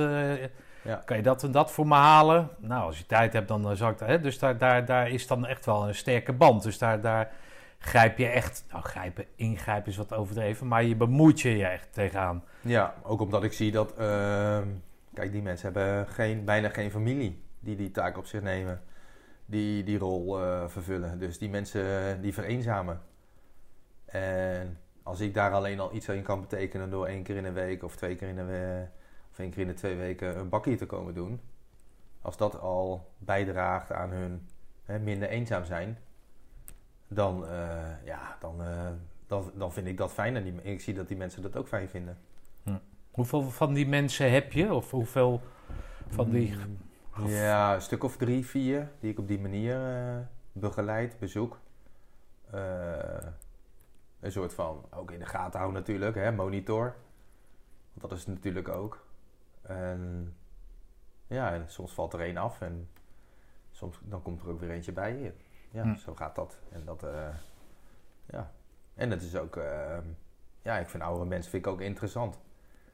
Oude mensen, kijk, vroeger keek ik tegen oude mensen aan, dacht ik altijd van, nou, die zijn altijd oud geweest. Maar als je zelf ouder wordt, dan zie je ook dat, ja, die oude mensen, die hebben ook een verhaal. Die zijn ook jong geweest, die hebben ook hun ding gedaan. En ja, daar kan ik ook veel van leren. Zijn er ook mensen die, je- die, die je dan benadert via bijvoorbeeld zo'n buurvrouw en die er niks van willen weten? Ja, die zijn er ook. Die eh, best op zichzelf zijn. En eh, ja, die heb ik ook eh, in mijn wijk gehad. Die, ja, die willen dat niet. Hm. En die geven dat ook duidelijk aan. Ik heb ook een buurtkoffie mede helpen oprichten, zeg maar, bij mij in de wijk. Dat is dan ja, in principe voor iedereen toegankelijk. Alleen de doelgroep die er komt zijn meestal 70 jaar of ouder. Ja. En eh, dan hebben we een eh, introductie, eh, iemand die spreekt over de historie van de binnenstad. Of iemand die heel bevlogen is over muziek. Of iemand die mooi kan voorlezen. En die is dan een kwartier, 20 minuten bezig. Ja. Meestal hou ik dan ook nog een woordje. Ja. En dan heb ik het over zaken die spelen in de wijk. En, en dat is ook een moment voor die mensen dan om met, onder het genot van een bakje koffie... eh, ja, wat dingen aan mij te vragen of te vertellen wat er speelt. Of vaak zeggen ze dan van eh wijkagent, eh, heb dit en dit meegemaakt. Maar ja, volgens mij is dat niet belangrijk. Terwijl ik denk van oké, ja, toch wel fijn eh, hè, verdachte omstandigheden om dat te horen. En dan, ja, dat zijn is een generatie mensen die niet, sne- niet zo snel de politie belt. Hè. Die denken dan, de politie heeft betere dingen te doen. Alleen ja, de wijkagent is juist voor dit soort dingen. En niet voor de hè, dingen waar gelijk bloed uitstroomt. Nee, ook voor eh, veiligheidsdingen, eh, preventie, eh, hè, wat, waar, je, waar je dan meer kan denken aan de preventiekant. Tegenwoordig heb je veel pakketbezorgers, die, hè, of mensen die zich voordoen als pakketbezorger, die ja, op die manier proberen binnen te komen in een pand, op te lichten, al die dingen meer. Hm. Mijn, eh, Ja, en daar is die oudere groep natuurlijk, is daar een willig slachtoffer of een potentieel ja, slachtoffer. sowieso. Ja. ja. En, dat, eh, en dat kan ik dan op zo'n buurtkoffie kan ik dat, eh, ja, vertellen. Van joh, pas op wat je doet. Pas op welke mails je opent. Of welke link je opent. En ja, daar, ja, dat is ook weer een stukje zien en gezien worden. De taak van een wijkagent is niet alleen... ja, ik ben een wijkagent en als je me wil vinden... dan eh, doe je dat maar via internet en dan stuur je mij een bericht. Maar de taak van een wijkagent is vooral het aan- aanwezig zijn op straat. Eh, ik spreek ook eigenlijk nooit met mensen op het bureau af. Meestal ergens in een koffietentje. eh, zodat mensen mij ook zien als ja, onderdeel van de wijk. Hm. Dat hoort hier in het straatpatroon. Ik ben benaderbaar. En dat weten de mensen ook. Dus ja, ik kan soms een eh, uur op het terras zitten. En dan zit ik eh, met drie verschillende mensen te praten. En dan lijkt het net alsof eh, de wijkagent niks beter te doen heeft dan een bakkie. Maar dat zijn hele ja, zinvolle en waardevolle bakkies die ik aan het doen ben. Ja. Ik hoor veel. Ja, en, en soms ook is het ook gewoon alleen maar de aandacht. Ik denk dat als ik kijk naar het werk wat ik doe, dat ik niet veel oplos. Maar dat ik wel door aandacht te geven eh, van waarde ben voor de mensen. Mensen die komen dan met een probleem en ik luister hun verhaal. En ja, ik kan advies geven, maar vaak zie ik van, eh, dat ze heel blij zijn dat ze alleen al hun verhaal kwijt kunnen. Hm. Dat het nog niet eens is dat ik met een panklare oplossing kom. Want ja, sommige dingen zijn ook gewoon niet op te lossen. Mensen die ouder Nee. worden en vereenzamen. Ja, dat is niet op te lossen. Want ik kan niet eh, stoppen dat de mensen om hen heen doodgaan en al die dingen meer. Dus dat is een proces van ouder worden. Dat hoort ook bij het ouder worden. En dat is ook best wel, ja, soms wel verdrietig om te zien dat mensen zeggen van... Ja, weet je, ik heb geen zin meer om te leven. Want alle vrienden en mensen die ik heb, die zijn dood. En dan hebben ze wel familie. Alleen ja, dat is toch anders dan mensen die van hun eigen leeftijd zijn. En waar ze altijd, hè, die ze dus al hun hele leven kennen. Nou zit er, hè, meerijdend met jou, meelopend met jou, voel je gewoon dat er ontzettend veel dynamiek in die, in die wijk zit. hè? Ja. Kan jij mij eens vertellen waar die wijk is en, en, en wat je daar aan, aan nou ja, bevolking tegenkomt. Ja, ik ben eh, wijkagent in het eh, buurtschap 2005. Dat is eh, 2005, dat is de oude postcode in de jaren 80 in eh Dennenweg, op de Dennenweg. Inmiddels is de postcode veranderd, maar dat buurtschap heeft eh, die naam gehouden. En dat is de Dennenweg in de omgeving en het Hofkwartier. En het Hofkwartier, dat is eh, ja, de wijk waar het paleis eh, Noordeinde in zit. Eh, het Noordeinde natuurlijk zelf. Eh, en een heel gezellig eh, gebied met allerlei cafeetjes. Oude Molstraat, Molenstraat. Ehm, dus ja, mijn gebied kenmerkt zich door veel restaurants, veel cafés, hotels. Eh, de bevolkingsopbouw is toch wel wat oudere, de oudere mensen zonder kinderen of met oudere kinderen. Ehm, nou, ook veel alleenstaande mensen wel. Ehm, de woningen in mijn wijk zijn ja, gemiddeld ook wat duurder. Kijkt op het lange voorhoud, ja, er wonen bijna geen mensen. Omdat eh, dat allemaal kantoorpanden zijn en het niet te betalen is om daar te wonen. Ehm, ja, en dat is een beetje ja, de opbouw. En veel expats wonen ook in mijn wijk. Dus die zijn dan wel wat moeilijker voor mij om te benaderen. Maar dat probeer ik dan weer te doen eh, door eh, actief te zijn op mijn Instagram eh, account. Zodat ik op die manier ook mensen kan benaderen. En de mensen weten mij dan ook te vinden via mijn Instagram account. Eh, ik geef sowieso altijd mijn telefoonnummer ook aan de mensen.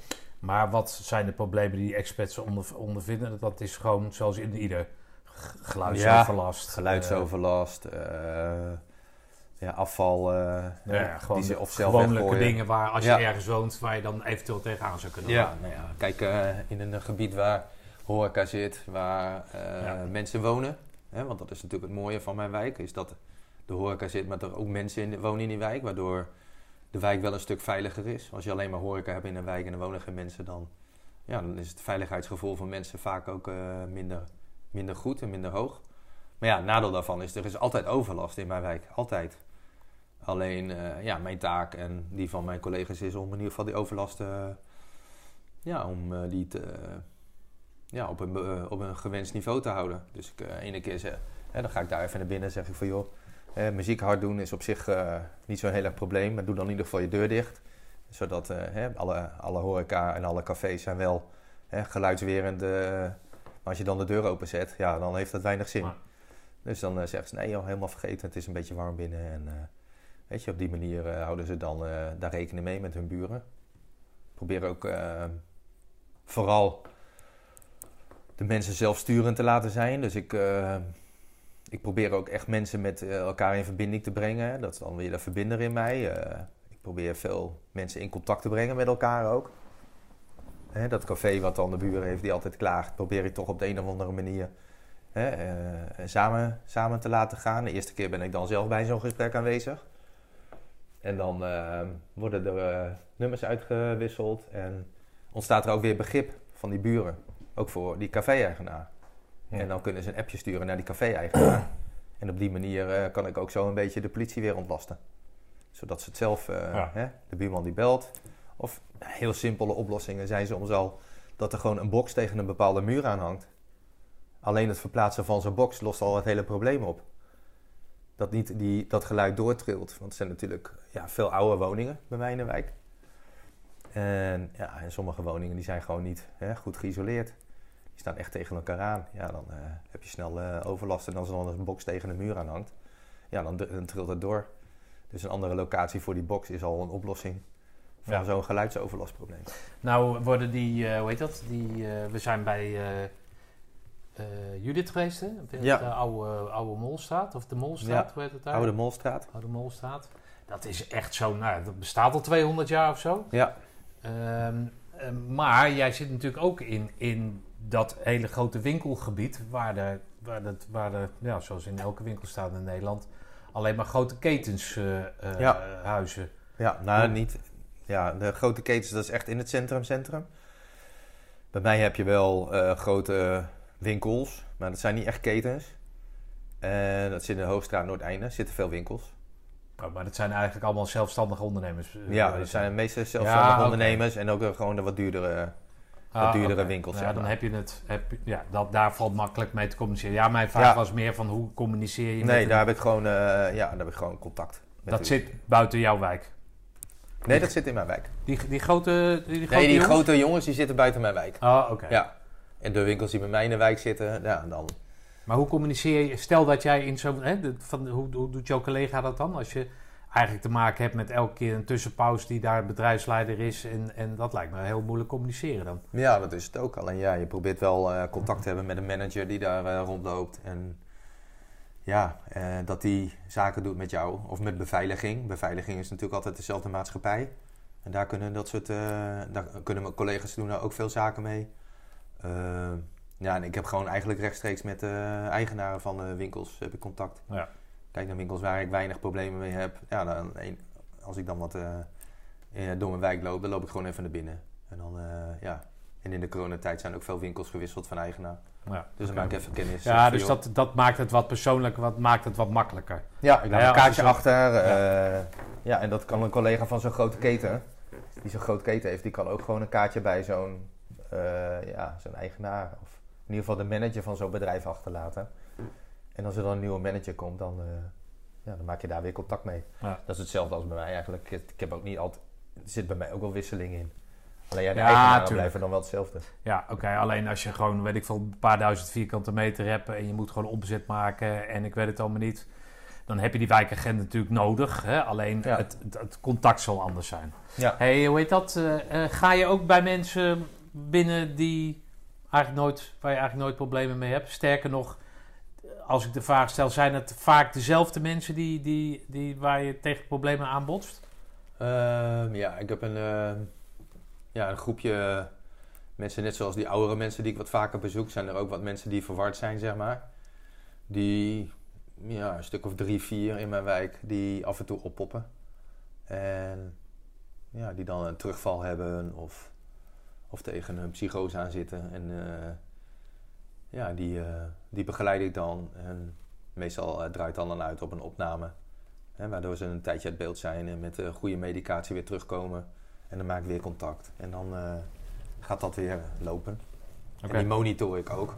In de zin van dat ik sowieso in het systeem, als ik met mijn dienst begin, dan kijk ik zo in het systeem, sowieso in het systeem of de meldingen zijn geweest in mijn wijk. En ja, en bij dat soort personen hangt van, ook van de situatie af hoor. Maar ga ik, ja, die monitor ik ook. Net zoals die, die oudere mensen monitor, ga ik ook af en toe daar langs. Hm. En eh, ja, hangt ook van de situatie af. En dat, eh, ja, en dat werkt ook. Dat werkt ook goed. En voor de rest loop ik gewoon, ja, wat ik al zei net, eh, gewoon bij winkels binnen. Of bij mensen die ik op straat zie. Dan maak ik een praatje en dan... Ja. Ja, dan dat wat, waar ik me, of niet in vergis, maar waar, wat ik onderschat heb is... ehm, ik rij met jou mee, iedereen groet jou. Ja. En je krijgt overal voorrang. Ja, op de weg. maar dat komt door het uniform. Nee, ja, precies. Ja, Nee, maar je bent duidelijk herkenbaar, dus, Ja. dus eh, je mag best iemand aanrijden, maar doe het liefst die agent niet, want dan, dan kom je heel erg in de problemen. ja. Of, eh, ja, nou ja. Het is natuurlijk altijd al ja, dat mensen toch eh, gaan twijfelen als ze politie zien. Dus dan, ook al hebben ze voorrang, dan geven ze de politieauto voorrang. Ja, nee, ja, of, ik vond het een, openbaring. En ook, ook zeker dat, dat groeten, hè? zeker in, in zo'n grote stad. Ja. Hoe heet dat? Heb je het gevoel dat je, dat je die wijk onder controle hebt? Eh, ja. Ja, ik denk dat ik eh, in ieder geval in de vier dat ik nu wijkagent ben, dat ik eh, ja, het wel zo heb gedaan dat mensen mij in ieder geval weten te vinden. Dat ze me, hè, niet iedereen kent me natuurlijk, maar veel mensen hebben wel over mij gehoord of weten dat ik de wijkagent ben of mijn naam gehoord. Of dan zeggen ze, joh, oh ben jij ben de wijkagent? Ja, ja ik ben de wijkagent. Oh, leuk kennis te maken. Eh, nou, sommigen hebben positieve dingen gehoord, anderen wat negatievere dingen misschien, maar dat zijn, Hmm. eh, dat zijn mensen. En eh heeft iedereen zijn eigen mening daarover natuurlijk. En ja, de mensen eh, weten wel te vinden. En eh, als ze het niet weten, dan komen ze daar wel achter als er eh, iets gebeurt. Want ja, als er ingebroken wordt, of dat is ook een van de taken van ons, als er een woning in braken is, dan komen wij ook gewoon altijd langs voor nazorg. En mogelijk ook gelijk preventie daaraan gekoppeld. Dat we wat tips kunnen geven over eh, preventieadvies. En als we dat zelf niet eh, kunnen, dan eh, kunnen we ze doorverwijzen naar ja, ook weer iemand bij mij in de wijk. Die, Rob van het Sleutelhuis. En die, kan, die schakel ik dan in. Daar heb ik ook weer contact mee. Zeg je, joh, dan komt Rob even langs en die, hè, die doet het hangen sluitwerk even nakijken, mogelijk verbeteren. Oké. En dat, ja, zo gebruik ik ook gewoon de mensen die bij mij in de wijk Ja. zitten. En Rob die geeft jou dan één keer in de maand een uh, Ja. envelopje. Bedankt voor eh, Ja. 13 nieuwe sloten. Klopt, maar dan moet je wel uit de uh, dingen Ja, daar knippen, knip ik er even uit. Ja, daar knip ik er even uit. hey, hoe heet dat? eh, als je dat in de, in de hand hebt, eh, wat, wat mij zo fascinerend lijkt, is, ja, ik werk in de horeca, dus ik weet ook nooit hoe een dag eruit ziet. Maar in principe weet je wel, Ja. weet je ongeveer of het is druk of het is niet druk of, nou, weet ik veel. Jij weet nooit, en maar dat staat gelijk, en dat weet ik dan toevallig omdat ik een aantal Ja. politieagenten, je weet nooit wat de dag gaat brengen. Klopt. De dag dat jij met me meeliep, toen wist ik één ding. Was dat ik een bezoek ging brengen aan Albert Heijn. En daarna is de dag gewoon, nou je hebt het zelf kunnen meemaken. eh, ja, gelopen zoals ik het niet had kunnen voorspellen. En Dat is elke dag zo. ja, ik heb wel, elke dag heb ik wel een eh, to-do-lijstje. Met dingen dat ik zeg van, oké, dan ga ik even daar langs of ga ik even daar langs. En soms kom ik er wel aan toe en de andere keer dan eh, stelde ik het uit eh, naar een andere dag. Of er moet iets tussen komen wat gewoon heel belangrijk is en wat die dag moet gebeuren. Maar voor de rest, eh, ja, en dat brengt ook met zich mee dat je op straat bent. Ja, de meldkamer kan ook zien aan mijn portofoons waar ik ben, want er zit een GPS in. Dus die kan ook, ja, als er dan iets in die buurt gebeurt waar ik ben, dan kan ik daar ook zomaar naartoe gestuurd worden. Oké. En dat zullen niet gelijk de dingen zijn waar bloed uitstroomt, maar bijvoorbeeld een auto die geparkeerd staat, verkeerd geparkeerd staat of geluidsoverlast dingetjes. Oké. Hoe, jij bent nu 54? 55. 55. Wat, wat, hoe lang moet je nog? Eh, in principe tot, eh, ja, ik ben er helemaal niet mee bezig, maar 67. Oké. Dat is de pensioensleeftijd en als het aan mij ligt, dan eh, blijf ik tot die tijd het werk doen wat ik nu doe. In deze wijk ook? Ja, ook in deze wijk. Ja? Ja, ja dit is echt... toen ik bij de politie kwam werken, toen eh, zat er een wijkagent. Toen zaten de wijkagenten op de ploeg. En waar ik het net al over had, had je dan een ploeg met een senior en een ploegchef. Eh er zaten, zat een wijkagent op de ploeg en twee regisseurs. Toen ik eh, aan het bureau kwam werken, 30 jaar geleden. En tegenwoordig is dat losgekoppeld van de ploegen, zeg maar, de regisseurs en de wijkagenten. Alleen toen zat er een wijkagent op de ploeg die in 2005 werkte, John. En Ja. toen dacht ik, nou, als ik later, want het waren vaak een beetje wat oudere mannen, zeg maar. Dus ik zei, eh, later wat oud ben, dan wil ik die wijk. Nou, en eh, op een punt eh, ging ik stage lopen als, bij de wijkagenten, vier jaar geleden. Een half jaar zou ik stage lopen om te kijken wat ik eigenlijk al wist. Dat dat werk mij wel op het lijf geschreven was, zeg maar. En na een maand ging de collega die in die wijk liep met pensioen. En toen kwam een vacature en toen heb ik gelijk geschreven en toen ben ik aangenomen als wijkagent. Hm. Dus ik heb eh, een maand stage gelopen, denk ik. En een paar maanden later zat ik in de wijk. En, eh, ja, Hoe zit dat eigenlijk met die sala- salariering en, en die, die rangen bijvoorbeeld? Hè, dus je, je begint met één streep, ja, klopt. dan, dan, ben ik- dan zit je nog op de academie of zo, het loopt Ja, dan, zit je, dan zit je nog op school Ja. en dan eh, drie strepen ben je agent. Ja. Eh, hoofdagent is vier strepen. En als senior, toen werd ik brigadier. En dat is dan, eh, senior is een functie. En wijkagent is ook een functie en dat zit in dezelfde rang. Dus dan ben, ik ben nog steeds brigadier. Oké, en dat wordt gekenmerkt door, door zo'n logo op je Soort- schouders. Ja, een soort lauwe krans achter Ja, is het. Ja, oké. En een, eh, een ploegchef, een operationeel expert heet dat tegenwoordig. Eh, die is inspecteur. En dat is een soort kroontje. Ja, ja, oké. En dat is eigenlijk, eh, hè, als je dan naar de dienst kijkt, is dat, ehm, dat zijn de onderofficieren, zeg maar. En dan daarboven heb je de mensen die het beleid- bepalen en de bureauchef en al die dingen meer. Die zijn de commissaris, hoofdinspecteur. Oké. En dan in een andere volgende, een hoofdcommissaris. Oké. Maar jij wil altijd met de poot in de klei staan? Ja. Wat, wat, wat, waarom zou je... Hè, want je hebt natuurlijk door die ervaring die, je- die je hebt... Door, door hiaat in de wet of regelgeving of weet ik veel wat... heb jij een goede kijk van wat Nederland zou willen, zou moeten of wat dan ook. Heb je nooit zin om daar handen en voeten aan te geven? om beleid te maken bijvoorbeeld. Een beleid te maken? Ja. Nee. Nee? Nee. Nee, ik, eh, ik heb eh, ervaren dat eh, veel dingen die uitgedacht worden, soms niet eens werkbaar zijn eh, op, de, op straat. En dan zou je kunnen zeggen van ja, dat moet dan een extra reden zijn om dan een vinger in het pap te hebben. Zou je kunnen zeggen. Ja. Alleen ja, op dat moment ben ik weer niet bezig waar, waar, mijn, waar mijn doel en mijn waar het meest ligt. En dat is gewoon op straat bij de mensen. Dus ik blijf gewoon onder de mensen. En eh, ja, dat heeft voor mij niks met eh, dan, eh, dat ik dan niet doorstroom in rang of iets dergelijks. Ik krijg een mooie vergoeding per maand, daar kan ik van leven. Kan ik mijn dingen doen die ik wil doen. En, ja, en ik ben een tevreden mens en gelukkig mens wat dat betreft. Oké. Wat ga jij doen als je eh, mee uitscheidt dan, qua, qua politiewerk? Maar ik zei net al, daar ben ik nog helemaal niet mee bezig. En ehm, ja, misschien kan je dan, ik weet het niet, ik, eh, 67 is mijn pensioenleeftijd. Ik moet het eerst nog maar zien te halen natuurlijk. En ehm, ja, ik leef niet zo ver vooruit eigenlijk. Ik heb het nu naar mijn Terwijl zin. jij niet van eh, achteruit kijken bent, maar alleen naar vooruit kijken, toch? Ja, klopt. Nou, dan Nou, hoort dit toch bij de... Bij en de... nog meer van in het moment zijn. Ah, oké. En in het moment doe ik dit. En heb ik het naar mijn zin. En kan ik dit? Ik bedoel... Je Ja, goed, zomaar maar op persoonlijk vlak, Je kan ook maar een blessure krijgen en gewoon niet meer... Het, het werk voor mij kan ook alleen maar als je in, eh, nog in uniform loopt. Ja, nee, dat is waar. Nee, maar gewoon op het persoonlijke vlak. Hè. Je woont nu samen met je zoon. Samen, maar in ieder geval, hij woont bij jou, weet ik wat. Je woont gescheiden één keer per week. Nee, om de week ga je naar je vrouw toe.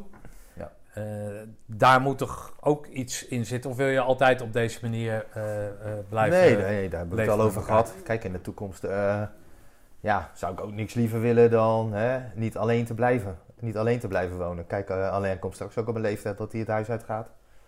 En ja, ik ben een mensenmens, dus dan is het eh, een logische stap. eh, en dat is niet gezegd dat ik dat gelijk ga doen als hij het huis uitgaat, maar dat we dan gaan samenwonen. En ja, samen een huisje hebben. En Oké, nee, dat, we hebben het er inderdaad over gehad. Ja. Maar dat, dat is dan wel iets... Nou, het merendeel van de mensen heeft niet zo'n streven, omdat het er al is natuurlijk. Dus, Ja. dus jij, jij, jullie hopen samen die stap te kunnen maken. ja, zeker.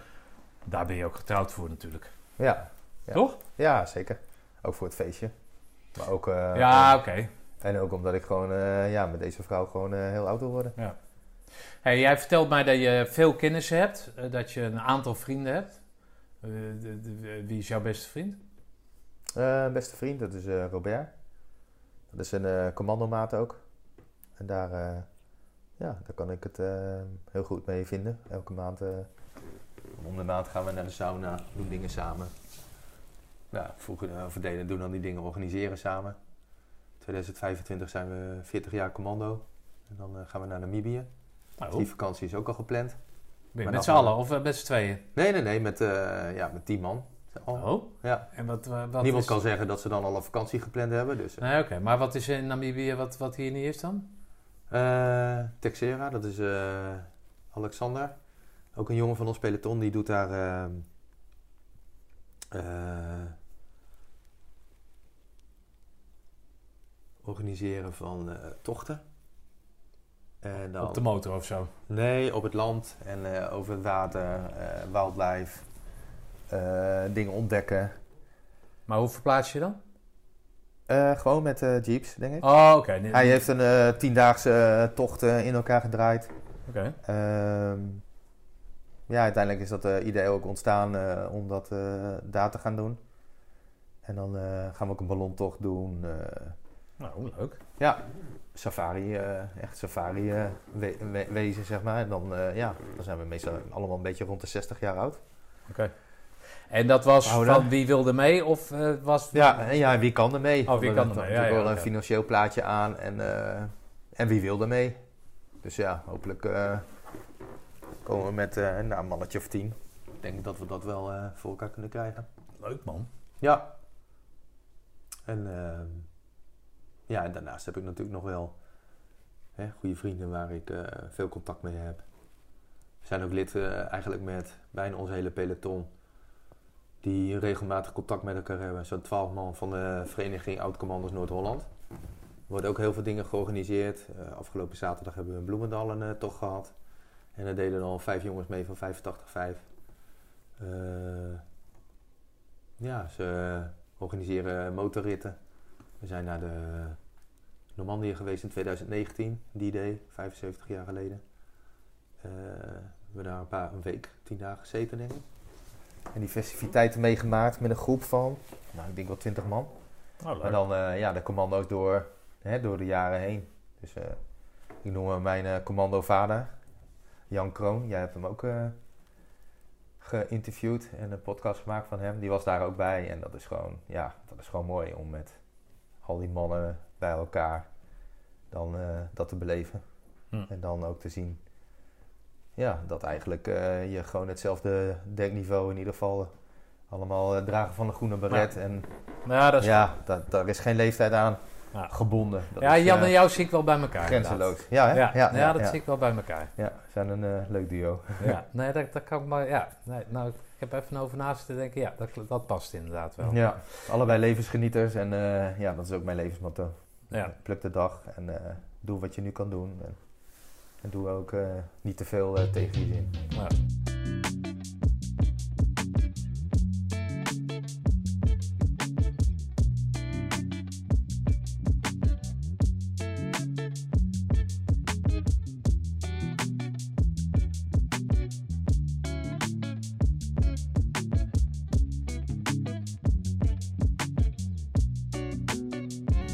Hey, voordat ik je ga vragen of ik wat vergeten ben, eh, eh, wil ik nog even op jouw verzoek, uiteraard, of uiteraard, eh, dat, dat die familieagent Ja. even belichten. Familieagent. Dat, ehm, dat is een neventaak die ik heb. Ehm neventaak is houdt in natuurlijk dat ik het naast mijn wijkagentschap doe. Een familieagent, dat is in het leven geroepen een jaar of zes geleden. Eh, omdat we zagen dat eh, de nabestaanden van slachtoffers en een familieagent die begeleidt slachtoffers van door zelfmoord, een verkeersongeval, een bedrijfsongeval, eh, vermissingen horen er ook bij. Dan denk je van oké, ja, dan is toch, heb je nog geen slachtoffer, maar de familie van een eh, vermiste, hè, en als het helemaal langer duurt dan een paar dagen, die gaat ook het proces van rouw door, die de familie van nabestaanden doorgaat, omdat je op een gegeven moment, ja, hoe langer het gaat duren, hoe kleiner de kans zal zijn dat iemand eh, dat overleeft, hè, die vermist is. Ehm, en dat is in het leven geroepen omdat eh, ja, er heel veel behoefte aan is dat de familie eh, gewoon eh, goed contact heeft met de politie. En dat ze niet de politie bellen en dan van het kastje naar de muur gestuurd worden. Dat er ehm, ja, vervelende dingen gebeuren. Hè, dat er eh, bijvoorbeeld een fietsje van een overleden dochter die dan eh, is aangereden, eh, terug wordt gegeven. En dat iemand dan zegt van ja, wat moet je nog met zo'n kapot fietsje of weet ik veel wat. Terwijl dat juist heel veel emotionele waarde heeft. Hè, wij willen niet dat mensen nog een keer geslachtofferd worden. En nog meer verdriet daardoor hebben. En dat, eh, daar is het familieagent voor in het leven geroepen. Ik ben dus de contactpersoon van de familie van een eh, overlevende. En, en alle vragen die hij heeft, eh, of zij heeft ten aanzien van het onderzoek, eh, die probeer ik te beantwoorden. En als ik het niet gelijk weet, dan ga ik het zelf uitzoeken. Zodat eh, ze daar in dat ieder geval... loopt een soort- door jouw gewone werk heen, stel Ja. dat er zoiets is. ja, en het idee is dat ja, de familie op die manier ontzorgd wordt. Op dit moment heb ik een casus van, een, van een man, van Chris. En die is 88 en die is een jaar geleden in Den Haag komen wonen zijn vrouw van 67. Hebben een huis mooi ingericht. En eh, ja, op een dag gaat zij eh, in november vorig jaar eh, naar een kleikursus. En ze steekt de weg over en ze wordt aangereden door een vrouw met een elektrische fiets. Ze is daardoor tegen een, een paal aangeklapt met haar hoofd. Een aantal dagen later niet meer aanspreekbaar geweest, sindsdien overleden in het ziekenhuis. Nou, dat is natuurlijk ja, verschrikkelijk. Dat is een drama voor de familie, voor de kinderen. Hè, maar helemaal voor Chris ook, die natuurlijk nooit had verwacht dat zijn vrouw, die 21 jaar jonger is, zou overlijden. En dat hij zijn vrouw zou overleven. Dus ehm, alle zaken waar je mee in aan- aanmerking komt. Eh, ja, het is een verkeerszaak geworden ook. Die vrouw die de aanrijding veroorzaakte, die was door het rode licht gereden. Eh, het bureau verkeer heeft zo'n vrouw dan als verdachte gehoord. Eh, er is contact eh, tussen Chris en het Openbaar Ministerie. Eh, er zijn dan eh, een letselschadeadvocaat, eh, die is een contactpersoon. En, en al die contacten, zeg maar, met die partners, die, die regel ik dan. Of hij, als hij vragen heeft met invullen van formulieren. En dan help ik hem het formulier in te vullen. En ja, en wat ik al net zei, dat ik een aantal mensen heb, zeg maar, die, die ik regelmatig bezoek. Zo bezoek ik hem ook regelmatig. En het is niet alleen maar de praktische dingen, maar ook uh, probeer hem ook te ondersteunen in het rouwproces. Oké. En, Maar daar, stel dat jij, weet ik veel, ergens op een melding bent in de wijk, of buiten je wijk, weet ik veel, je bent aan het werk, dat telefoontje komt, dan is er, als die casus loopt, is dat iets waar je kan, van kan zeggen, sorry, mag ik even ons gesprek, ik moet even kennis nemen. Eh, ja, dat sowieso. Als hij, als hij belt, dan, ehm, ja, dan ben ik er voor hem. En als ik bij hem ben, dan word ik ook niet daar weggeroepen. Nee, Ik oké. bedoel, die tijd, die, eh, dat is eh, gewoon quality time. En dat, eh, ja, dat is gewoon zijn tijd. En, en het is ook niet zo, zo, zo dat als je als wijkagent... heb je ook nooit echt dat je... je kan altijd ruimte daarvoor vrijmaken, zeg maar. En, ehm, en het familieagentschap, dat is... eh, veel mensen denken ook dat wij het slecht nieuwsgesprek doen. Maar dat doen we juist niet. Dus het is ook niet zo dat we zo snel mogelijk de contactpersoon worden van die familie. Meestal gaan er een paar dagen overheen. Kijken we of eh, die zaak ook in aanmerking komt voor eh, familieagent. En de reden dat wij geen slecht nieuwsgesprek doen met zo'n nabestaande is dat wij dan als familieagent, als we daar dan weer komen, zijn wij natuurlijk altijd het brengen Ja. van het slechte nieuws. Ja. Dus dat is niet, Ja, nee, dat, kan niet dat kan niet, want dan kan je nooit hè, het goede contact maken met zo'n persoon. En dan kom je gelijk op het punt van je gevoel volgen en, ja, en hoe ga je om zelf, zelf om met verdriet. Ik, ehm, en dat is ook een heel belangrijk stuk, denk ik. En dat wilde ik ook sowieso wel delen in deze podcast. Is dat je. Iedereen heeft daar natuurlijk zijn eigen manier voor. Alleen één ding weet ik zeker: is dat de manier die niet werkt, is er niet over praten. En en dat zie ik ook vaak genoeg gebeuren, dat eh, ja, collega's gewoon ingrijpende dingen meemaken. Ik heb eh, ja, 32 jaar bij de politie, heb ik twee maanden geleden mijn heftigste incident meegemaakt die ik eh, bij de politie meegemaakt heb. Dat is de dood van een klein kindje, 2,5 jaar. Nou, dat is, ja, dat geeft me heel erg aan. En dan sowieso natuurlijk dat het zo'n jong kind is. En de familie die erop reageert. Ja, je wordt helemaal erin gezogen, zeg maar. En de ene kan dan afstand houden, maar ik ga dan mee. En ja, en dat is voor mij een manier ook om dat ook te doorleven, zeg maar, zo'n incident. Ik ben ook nog nooit naar een begrafenis geweest van iemand die, naar aanleiding van incident waar ik bij was, eh, is overleden. Maar dit was de eerste keer. En de familie die stelde dat heel erg op prijs. Dus ik deed het voor die familie, maar ook voor mezelf, voor mijn eigen proces. En waar ik eerder al over had, heb ik gewoon mijn mensen uitgezocht. Om dat stuk verdriet wat in mij zat. eh, en ja, gewoon de heftigheid van het incident eh, te verwerken door gewoon erover te praten. Door het verhaal te vertellen. En ja, de eerste keer als je dat verhaal vertelt, dan ja, hou je het zelf ook niet droog. Maar je merkt dat je ja, uiteindelijk dat dat incident en de collega's die erbij zijn, Weet je, die band is zo sterk dat eh collega's zijn nog van, joh Ben, eh, wij zijn door dit incident voor altijd aan elkaar verbonden. Hm. Maar dat is ook zo en zo voelt het ook. En, en dat is ook goed. Alleen het moet dan wel zo zijn dat we kunnen praten over dat incident. En dat we niet helemaal eh, breken weer. En, Ja. en dat is dan een moment dat je zegt van, oké, weet je, nu... Nu zit ik op de goede weg en nu ja, hebben, we, hebben we het gewoon goed gedaan en goed verwerkt. En dat is heel belangrijk, want ja, het is natuurlijk wat we, ons werk is niet voorspelbaar. Dus als je dat niet op een goede manier aanpakt en je krijgt twee weken daarna weer zo'n incident, Ja. dan gaat dat stapelen en ja, dan ligt de PTSS natuurlijk op de loer. Hm. Dus eh, ja, deel vooral met mensen, ook mensen die het aankunnen natuurlijk.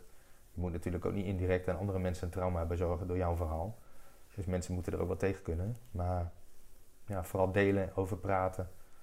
En eh, ja, dat is in ieder geval mijn manier. En eh, we hebben ook collega hulp. Dat zijn een collega opvang, TCO. Die eh, benaderen mensen. We hebben een top 10 incidenten. En elke collega die wordt door een collega die van het team is zeg maar benaderd.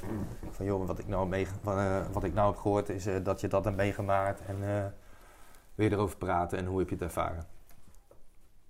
En dat, eh, dus ja, iedereen krijgt de mogelijkheid. En dan Eh, sta je zelf of je daar Ja, wat mee gaat doen of niet. je wordt niet verplicht om met zo'n man eh, of vrouw te praten. Ehm, maar het maakt ook niet uit of je het wel of niet doet. Als je voor jezelf maar een manier hebt gevonden dat je het verwerkt. Ja. En dat je weet wat bij jou past om het te verwerken. Eh, Ja. Nou ja het, is, ja, het is natuurlijk ook wel... Het is goed natuurlijk. En twee, zal je ook wel wat moeten. Omdat, die, omdat de samenleving natuurlijk steeds complexer wordt.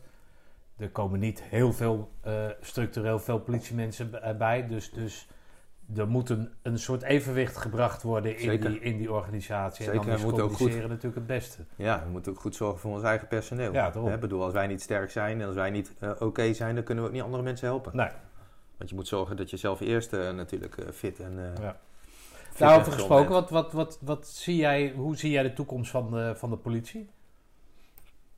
Ehm, De positie van de positie binnen deze, eh, nou ja, van alle tijden natuurlijk. Maatschappij Ja. die verandert, maar ja, je ziet zie je natuurlijk. Je ziet ook altijd bewegingen in de maatschappij en bij de politie is dat idem dito. De ene keer hebben we genoeg mensen en dan weer te weinig mensen. Op dit moment zie ik wel dat eh, veel collega's instromen en het politiewerk doen om eh, hun rugzak te vullen. En daarna een jaar of vijf of zes weer verder te gaan in de maatschappij. Terwijl mijn generatie hè, toch wel weer het politiewerk zag als een roeping. Eh, eigenlijk voor de rest van je leven. Ehm, dus dat is wel een tendens waarvan ik denk van oké, weet je, dat is niet... eh, ja, zo hou je de mensen niet, hè. Dus de aan de andere kant, als daar de gelegenheid toe geboden wordt, Ja, dan trek je ze wel en anders heb je ze sowieso niet. Nee. Dat kan je ze in ieder geval vijf jaar, nou ja, gebruiken, maar dan kan je even Ja. gebruik maken van een dienst, toch? ja, zeker. Zeker. Nou ja, aan de andere kant zie ik eh, de politie, de ontwikkeling van de politie zie ik wel eh, zoals de politie zich ontwikkelt. En ja, zie ik wel eh, goed tegemoet. Ik bedoel, we zijn met de goede dingen bezig. Ik bedoel, wij zijn natuurlijk altijd, maakt niet uit of we te weinig mensen hebben of te veel mensen. Ook als we te weinig mensen hebben, dan, dan doen we gewoon het werk wat we moeten doen. Maar dan maar met minder mensen. Maar dat geeft wel meer, meer druk op de collega's. Ja. Maar dan vraag ik dus aan jou, hoe Ja, zie de maar ik bepaal van de dat politie? beleid. Ik bepaal, Nee, gelukkig ik bepaal maar. dat beleid niet. Nee, oké, maar jij bent toch politieman in hart en nieren, daar mogen we toch over Zeker, spreken? zeker, zeker. Dus Kijk, dan moet jij toch ook na, jou, na jouw actieve periode, moet jij toch, zal Ja. je daar zorg over blijven houden, ja, als ja. ze die zijn. Ja, ja en kijk, eh, waar voor mij een groot deel van de oplossing ligt. Eh, sowieso om personeel te houden, maar ook om personeel goed eh, de straat op te laten gaan, is eh, niet gelijk vanuit die opleiding de auto op. Ik vind dat eh, de collega's, maar ja, ik ben daar niet de enige in, maar het schijnt niet zo makkelijk te verwezenlijken te zijn, denk ik. Maar de collega's die op straat komen, ik zeg, joh, koppel die gewoon aan de wijkzorg, hè, aan de wijkagenten. Hè, en dan hoeft niet per se constant dezelfde te zijn, maar laat ze gewoon een jaar meelopen met ons. Wij hebben ervaring. Eh, je wordt niet gelijk voor de leeuwen geworpen. De meldingen die wij hebben zijn niet gelijk moord en doodslag. Maar wel eh, het echte politiewerken. Dat is het er zijn voor de mensen. Hm. Het contact maken met de mensen. eh, de jeugdvertegenwoordiger.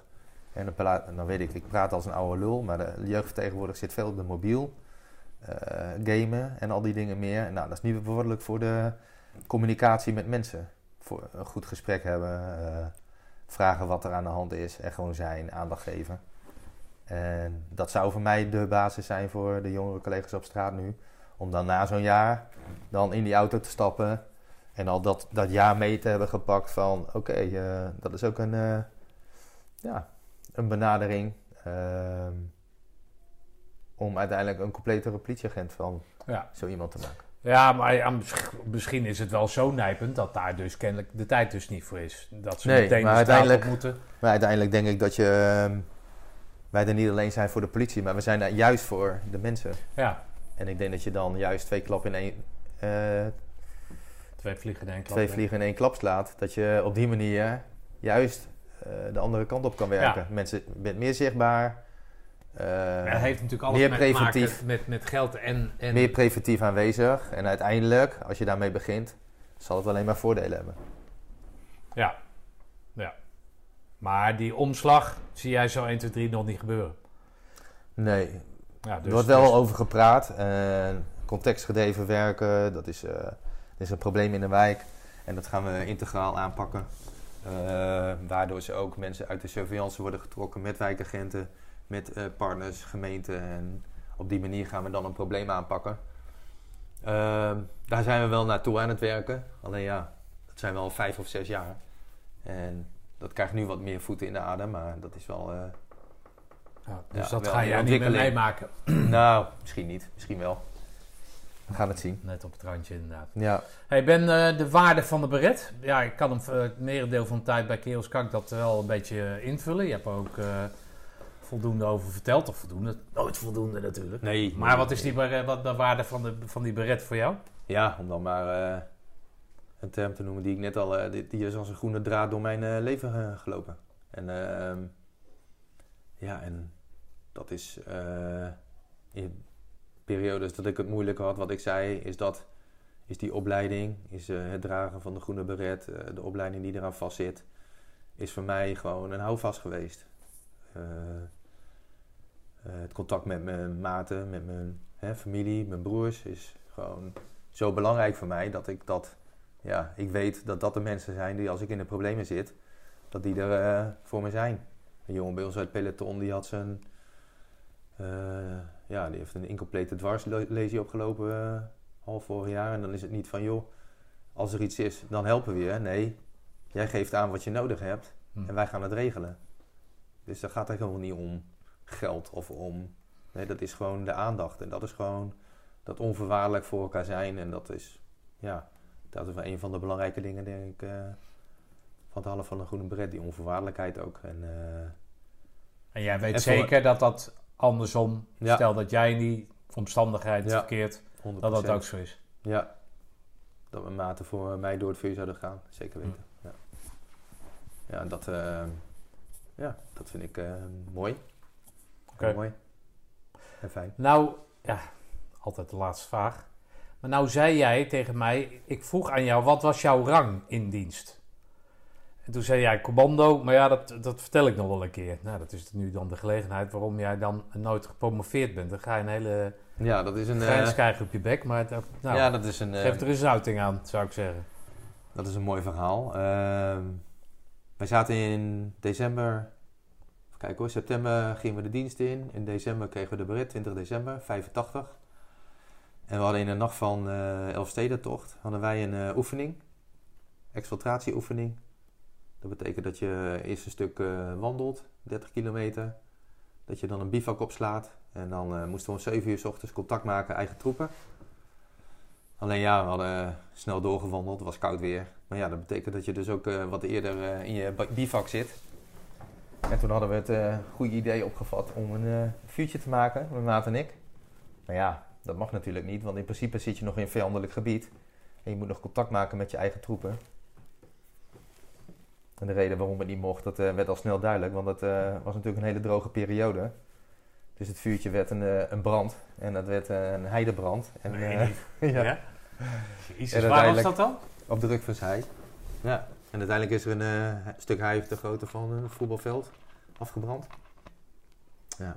Het was min 16 graden, dus was het een stuk warmer. Alleen, eh, Min Dat- 16 was het. ja. Oké, dus ja, dan... De fik- nacht van de Elfstedentocht. Oh ja, oké. Ja, Ja, dit ja. wordt meestal... Ja, is het in de zomer? Nee, maar dit, dit, dus het was februari. Dus dat was je geluk? Ja. Oké. In de zin van? Nou, als het warm weer, dit weer was geweest, het is nu 30 graden zeg maar, dan had, had het niet een voetbal, bij een voetbalveld gebleven. Nee, misschien, eh, misschien niet. Maar ja, wat ik al zei, het was ook een hele droge periode. Dus het was, eh, ja, dat buntgras, dat, eh, ja, dat, eh, dat ging echt... Oké. Dat, is gewoon, dat ging zo snel. We konden niet... dus brandweer erbij, marechaussee erbij. En hebben ze jullie nog ontdekt dan? Ja, natuurlijk. natuurlijk. Dat was niet zo moeilijk. Jezus, ben jij nou van commando joh? Dat was Nee, niet zo maar moeilijk. hoe, ehm, dus het, het, even, even, even inleven. Dus jij maakt dat vuurtje en dan zie je dat steeds. En wat maar, wat, wat, hoe, dan moeten de dingen, in, eh, hoe ga ik het vertellen? Dat moet door je heen flitsen. Of hoe ga, eerst, hoe gaan we het oplossen? Nou, valt ja, niet op nou te lossen. ja, eh, kijk, eh, eerlijkheid duurt het langst. Dus ja, we hebben gewoon verteld wat er gebeurd is. ja, We hebben een vuurtje gemaakt, dat mocht niet. En dat is niet goed gegaan en dat kunnen jullie zien. Het was eerst een half voetbalveld, toen ging de brand weer weg. En toen ging het ondergronds verder. En toen brandde nog een half voetbalveld af. Oké. Dus ja, en dan eh, zit je bij de Marechaussee en dan vertellen we gewoon wat er aan de hand is. En eh, ja, we kunnen niet ontkennen dat wij dat zijn geweest. Ja. En eh, ja, en als je doet, dan moet je op de baren zitten. Nou, dat hebben we gedaan. Voor de rest waren wij, hadden wij geen letsel, alleen we kregen straf en geen promotie. Dus, Oké, en wat was die straf dan? ja, dat weet ik niet meer precies. Nee, maar was dat een paar weekenden, of weet ik veel wat? ja, een paar weekenden zwaar. In zo'n hok met de tralies of... of Nee, nee, nee, nee, nee, gewoon bij de wacht. Gewoon op de kazerne. Volgens mij zijn we nog redelijk gematst. Alleen, eh, ja, mijn eretitel eh, commando, die heb ik nog. Dus, eh, weet je, Ah, dat ik geen eh, nou ja, goed, het is niet, soldaat eerste klas word. het is niet omdat je niet over de Chinese muur heen kwam of zo. Dus het is wat nee, nee, nee, nee, nee, zeker niet, zeker niet. Ja. Dus dat is een beetje dat verhaal achter mijn, Oké, grappig. mijn of niet, eh, grappig. mijn niet-promotie, zeg maar. Oké. Ja. Hey, ben ik nog wat vergeten aan je te vragen? Wat je graag, eh, graag kwijt wil? Ongetwijfeld had ik nog wel meer kwijtgekund, maar ik denk eh, dat het wel een eh, mooi verhaal is geworden zo. Ik heb kunnen vertellen wat ik wilde vertellen. En ja, ik, vond het, ja, ik zag er tegenop, maar ik vond het uiteindelijk ja, wel leuk om te doen. Hey, even voor de buurt, hè, waar, waarvan ik hoop natuurlijk dat, dat ze een andere Ben leren kennen dan, eh, dan dat ze hem wel of niet kennen. Maar in ieder geval de, de politieagent of de wijkagent Ben beter leren kennen. Als ze nou je, nog nooit met jou in contact zijn geweest, eh, hoe kunnen ze jou bereiken dan? Dus mij kunnen bereiken? Ja? Mensen die bij mij in de buurt ja? Die wonen? in jouw wijk wonen? Gewoon via mijn telefoonnummer. En als ze nooit contact hebben gehad via mijn Instagram-account van de politie. Of ze kunnen gewoon naar hun... iedere, ieder mens in Nederland heeft een wijkagent. Ja. En, eh, en als je niet weet wie dat is, dan ga je naar eh, www.politie.nl. Eh, mijn buurt. En dan eh, ga je naar... eh, moet je postcode invullen en dan komen daar je wijkagent uit. Die je Oké. hebt. Nou, Dus hartstikke goed. Ben. Graag gedaan. Pak je aan de Jij deur, dus het is een mooi moment om af te sluiten. Zeker, Dankjewel. Zeker, zeker. Alsjeblieft.